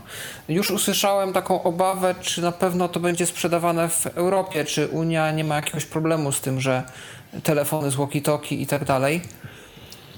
Ale pożyjemy, zobaczymy. Cena to ma być około 300 dolarów, czy jakieś 1200-1300 zł. Może jeszcze coś się zmieni. E, no i Android 10. Sporo więcej. Android 10. e, I co? No i tyle. A Jellyfony to były takie telefony małe właśnie, 2,4 cala. Ty chyba, Kasiu, miała, miałaś takiego Jellyfona, prawda? Nie, ja miałam Sojesa. Co to było? To też taki ala iPhone, tylko bardzo malutki. No Ja Jellyfonem Ale się no- bawiłem. Yy, To wyglądało jak mały pilocik do samochodziku. Takiego zabawkowego na zdalne sterowanie. I na tym się pracowało dziwnie. Tam gesty działały na Tak, tym beku, takie Ale podstawowe. ja chyba miałem twojego Kasia Jelly, bo ty chyba miałaś, czy nie? I nie, ja miałam Sojesa. A, dobra. Dobra, tak. Ale no to w też każdym razie takie na Jelly- malutkie było. Tak, nie wiem jak na tym twoim, Kasiu, ale na Jelly No. Elki na przykład ciężko chodziły, talkbackowe. Tak, no Tu bo to jakoś- jest małe. Znaczy dało się zrobić. Tu jakoś chodziło. I tu nawet chyba software keyboard jakoś, bo jakoś, ale chodzi, tylko tam ja mam dość duże palce i one były Jelly ciężko je trzeba było chyba kombinować jakoś z pionowym układem i w ogóle coś tam robić. Bo on bardziej Tylko, w pionie, że u nas żeby było było- śmieszniej, jego się lepiej trzymało w pionie niż w poziomie. No takich rzeczy. Słuchajcie, a propos, ale a propos telefonów, to, sobie a propos telefonów, to telefon mamy, więc może spróbujemy odebrać. Ja w międzyczasie, ja w międzyczasie jeszcze uda. spróbowałem dokonać aktualizacji tego naszego y, software'u do y, odbierania telefonów, no i zobaczymy, czy efekt tego będzie jakiś lepszy. Kogo witamy, halo? Witam bardzo serdecznie, to ja, y, Patryk znowu. Mam nadzieję, że, że tym razem się uda porozmawiać, że nie będzie żadnych problemów. Próbuj, Patryk. Tak? Słychać, słychać. Na razie tak. No to myślę, że tutaj, bo tutaj już kolega dzwonił a propos tego Video Questa, no to ja chciałem tylko powiedzieć, że ta dostępność, która jest, ona nie jest jeszcze idealna, Patryku, a y, ja, ja mam jedną gorącą prośbę. Adres tej gry, bo wy zaczyna, zaczynacie, zaczynacie, a gdzie to w ogóle można się w to pobawić? Y, I zawsze nam to ja umyka. y, umieszczę, umieszczę w komentarzu, bo teraz no niestety nie jestem w stanie na dzień dzisiejszy tu i teraz podać adresu. Najlepiej będzie, jeżeli umieszczę ten w komentarzu ten link. Okej, I oczywiście będę, pamię- będę pamiętał, żeby to zrobić, super, jak tylko się podcast ukaże. super. Yy, No to ja chciałem właśnie powiedzieć, że jakby yy, słyszymy listę obiektów, które mamy wokół siebie, jakby mamy dźwięk, gdzie słyszymy, że tu jest obiekt i możemy wejść w interakcję z, z tym obiektem, natomiast nie słyszymy niestety jeszcze przejść, więc musimy trochę na czuja chodzić i opłukiwać ściany i szukać gdzie jest jakby wnęka, yy, w którą możemy wejść, ale twórcy nad tym pracują. Tego co wiem, ciężko pracują, także na zasadzie jeden twórca. Więc wkrótce zostanie to poprawione, ale można się bawić, jeśli ktoś jest wytrwały i lubi i chce się nauczyć programować, to można się bawić. A teraz jeszcze chciałem powiedzieć newsa z ostatniej chwili, dosłownie przed godziny. Też dla ludzi, którzy lubią grać i którzy sobie chcą postrzelać do zombiaków, bo temat zombie jest zawsze wieczny i nigdy się nie skończy. Manuel Cortez, człowiek odpowiedzialny za TV Blue i za parę innych rzeczy, postanowił powrócić do tworzenia takiej gry jak Undead Assault, która tydzień temu była dostępna dla rosyjskiej społeczności niewidomych Blind Games. Ja akurat miałem szczęście sobie w to zagrać wcześniej. Natomiast teraz właśnie dosłownie przed paroma minutami stało się to dostępne. Jak ktoś chce, to jest taka gra online, gdzie strzelamy do zombie, w skrót, w skrócie mówiąc. Antyadres strony to undead myślnik assault.com tak się, tak się pisze adres strony, można to pobrać, jest za darmo, więc jak ktoś lubi sobie postrzelać, to może, działa, jest i miejmy nadzieję, że będzie się coś z tym działo dalej. Ale to jest y, to, co już było kiedyś, czy zostało to jakoś rozbudowane w oparciu... To już było kiedyś, zostało przepisane do Pythona 3, bo to było w Pythonie 2 i działało to nie najlepiej. Teraz zostały dodane kilka dźwięków, ma się jeszcze z tym coś dziać, bo ma być dodany dźwięk HRTF, czyli Mhm. dźwięk 3D. Mają do, dość jakieś tryby z tego, co słyszałem, jakby no- inne. Natomiast taka wersja jest taka, jak była do tej pory w 2016 roku, z paroma zmianami właśnie w dźwiękach i że jest Python 3. I kilka bibliotek się zmieniło. No tak poza tym wszystko jest tak, jak było po staremu. Jasne. No ale to dobrze wiedzieć, że kolejna gra, zawsze jak ktoś ma ochotę się gdzieś tam wyładować, bo mu źle. A to, jest okazja. Tak, to, to można sobie. Tym bardziej, że to jest rozgrywka sieciowa, jak dobrze pamiętam, tak? I tam, tam można sobie Oczywiście, z tak, ludźmi. to jest do trzech osób można. Mhm. Albo solo oczywiście też się da. Jasne. No okej, to dobrze. To Patryku, dzięki serdeczne za y, telefon i w końcu, w końcu jak widać się udało, nic nam tu nie przeszkodziło. E, także do usłyszenia, pozdrawiamy cię serdecznie. No i cóż, y, czy coś A jeszcze? ja zainstalowałem sobie tego Reapera. Aha. Znaczy tą Te licencję. licencje. Mhm. I rzeczywiście, skopiowałem do schowka, wszedłem sobie e, w Reapera, on wykrył, że mam klucz licencji w schowku, zapytał się, czy go dodać, powiedziałem tak, dodał i rzeczywiście teraz mam napisane, że register to temporary commercial license i tam, że się kończy 1 lipca 2020. E, Także no to taka, taka ciekawostka. To jeszcze o tych telefonach może tylko dokończę szybko, że o ile 2,4 cala ekran jest dużo za mały, żeby y, już pomijając to, że my nie patrzymy na ekran, ale nawet żeby cokolwiek y, działać na tym ekranie, a czasem jednak coś komuś pokazujemy, chociażby kod QR biletu, różne inne rzeczy, to, to mogło być troszkę za małe albo był problem z. Androidem, no nie? Bo ten Android też nie był jakiś tam super wysoki. Ta, ta, ta mm, wersja. Wiesz co? Nie wiem jak na Jelly oryginalnym, ale wiem, że ten Atom, który wyszedł potem, bo ten był Atom, ten, sa- ta sama przekątna, tylko tam więcej właśnie barierów, już jakieś NFC, jakieś już tam przycisk konfigurowalny do jakiejś akcji, to tam już chyba był ten Android jakoś nowszy. To było dwa lata temu, więc to mogła być ósemka Oreo albo siódemka Nougat, nie pamiętam. Teraz Natomiast jest wiem, że ten. Tak, teraz jest dziesiątka. Natomiast wiem, że wtedy mi ten, ta specyfikacja zaimponowała bardzo, ale niestety widziałem, jak działa Jelly i czytałem też recenzję na Reddicie Atoma i stwierdziłem, że nie, to, to nie jest to. To jeszcze nie jest to, o co by chodziło. Natomiast jako, że od kilku miesięcy posiadam iPoda Touch siód- siódmej generacji, który ma chyba też taką przekątną, to są też chyba 4 cale. E, to widzę, że to jest idealny rozmiar, bo wszystko widać, co trzeba, tak, na, tą, na takie potrzeby, na jakie my wykorzystujemy ekran. A, a korzysta się z tego wygodnie i do nawigacji, i do Braille'a, i do wszystkiego innego. To jest takie, ja za to mówię, małe, słodkie urządzenie do konsumpcji multimediów, bo to można wsadzić do kieszeni, nie wiem, w łóżku gdzieś rzucić, nawet można zapodziać jeszcze. Już zapomnieć, gdzie to się położyło. Więc to jest w sumie fajna opcja. A też pamiętam, że w poprzednich modelach, właśnie w Atomie i tak dalej, problemem największym był aparat. Że on tam mógł tych megapikseli mieć nie wiadomo ile, a nie miał chyba za wiele. I te zdjęcia były jakieś nieostre w nocy, jakieś tam nie do końca wyraźne, coś tam nie do końca działało, a my jednak tego aparatu, czy do OCR-a, czy do jakiegoś Be My Eyes, no wykorzystujemy, więc no siłą rzeczy też nie może on być jakiejś podłej jakości, no bo z wielu rzeczy po prostu nie skorzystamy. A tu ewidentnie widać, że są topowe e, specyfikacje plus ten mały ekran. No i oczywiście wszystkie certyfikacje, prze, przeszedł wszystkie testy armii amerykańskiej i nie wiadomo jakie jeszcze, e, że jest wstrząso, pyło, wodo, wszystko odporny, więc teoretycznie możemy nim I kiedy on Rzucaj z balkonu, być, jak nas denerwuje. się spodziewać?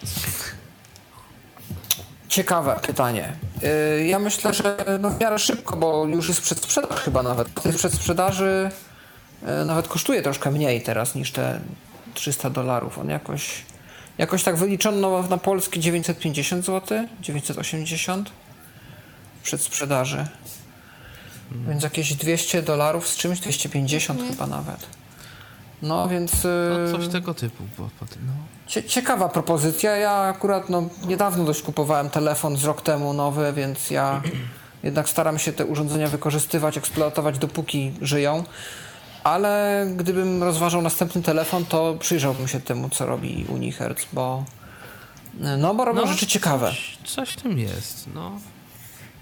Trochę niszowe, ale może. No ciekaw jestem, jak to będzie ze No wsparciem, właśnie- ale tego to chyba nie wiadomo. To jest jedna rzecz, a druga rzecz, że ja mam taką nadzieję właśnie, że jak to jest, ja zawsze byłem ciekaw, jak to jest posiadać telefon małego startupu, bo yy, jeżeli to jest telefon, na który po prostu ludzie się zrzucali, żeby on został wyprodukowany, to ja jestem bardzo ciekaw, jak jest właśnie z interakcją takiej firemki małej z użytkownikami. Czy nie jest to interakcja bardziej bezpośrednia i bardziej efektywna koniec końców niż w przypadku takiej dużej firmy jak na przykład Samsung czy Huawei czy, czy inna Podejrzewam, firma. że to będzie tak jak ze wszystkim, że te małe firmy albo mają lepszy support, bo mogą, albo mają gorszy support, bo nie umieją tego zrobić fajnie i tam Ja, ja tak powiedzmy samo miałam ze smartwatchem. specjaliści i tyle. Nie no. No to jest, to jest ciekawe, natomiast rzeczywiście, no Fossil tak, jak najbardziej. Tutaj mówimy Tak, o ale firmie, ja przez mówię Michael Korsa to brałam i zapomniałam, że to jest też przecież fossil. I dlatego.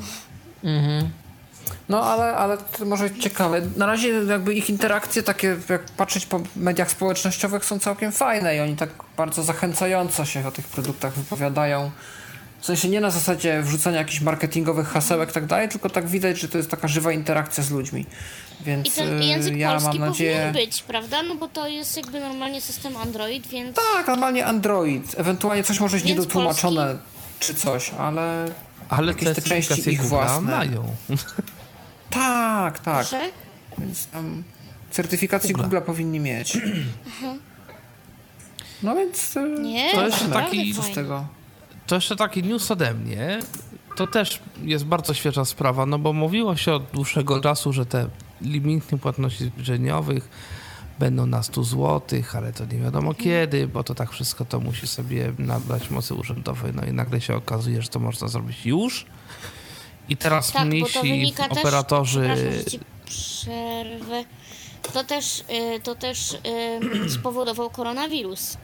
No bo jest tak, że Najprawdopodobniej lepiej nie tak. obracać gotówką. Mm, lepiej nie obracać y, gotówką, czyli żadnymi tam banknotami, monetami, no bo na tym się osiada mnóstwo paskudztwa, w tym właśnie ten koronawirus. I tak to będziemy przekazywać z rąk do rąk, no to wiadomo. No i terminale Em. dotykowe, no też są jakieś tam, bo to też ileś osób dotyka. Tak, E, No i właśnie Mastercard najpierw powiedział, że o spoko, no to my z piątku na sobotę podwyższamy limit. I Visa się, to jest dosłownie kwestia ostatniej godziny. Visa też się zdeklarowała, że, że to zrobi, więc no prawdopodobnie dość szybko to wszystko wejdzie. Oczywiście jest jeszcze kwestia tych terminali jako urządzeń, żeby one o tym w cudzysłowie wiedziały, z tego co wiem. Ale podobno to jest kwestia raczej podobno przynajmniej możliwe, że na szybko, jakiejś. więc zobaczymy. Zobaczymy jak to będzie wyglądało. Mm, Także no czekamy. Mm. To co, czy komuś coś jeszcze zostały jakieś newsy, czy mm, o godzinie 20? Apple Pay w City 47? handlowym wszedł. Jak ktoś Tak, ma. tak, też. Tak, z takich, z takich ciekawych rzeczy. Czyli on nie działa wszędzie. No, to wszystko zależy od banku. większości. To wszystko zależy od banku.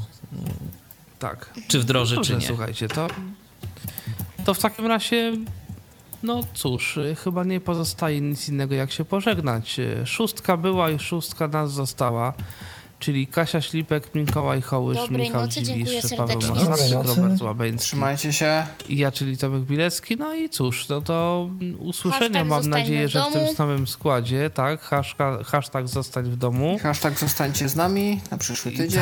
Zostańcie z nami. Mam nadzieję, że z nami wszystkimi. I mam nadzieję, że do usłyszenia w kolejnej Mam nadzieję, że- audycji. Żaden z nas nie będzie prowadził audycji ze szpitala zakaźnego względnie z kwarantanny. To też tak mi się, też mam taką nadzieję właśnie. Także no, no cóż, no do usłyszenia. Był to Tyflo Podcast. Pierwszy polski podcast dla niewidomych i słabowidzących. Program współfinansowany ze środków Państwowego Funduszu Rehabilitacji Osób Niepełnosprawnych.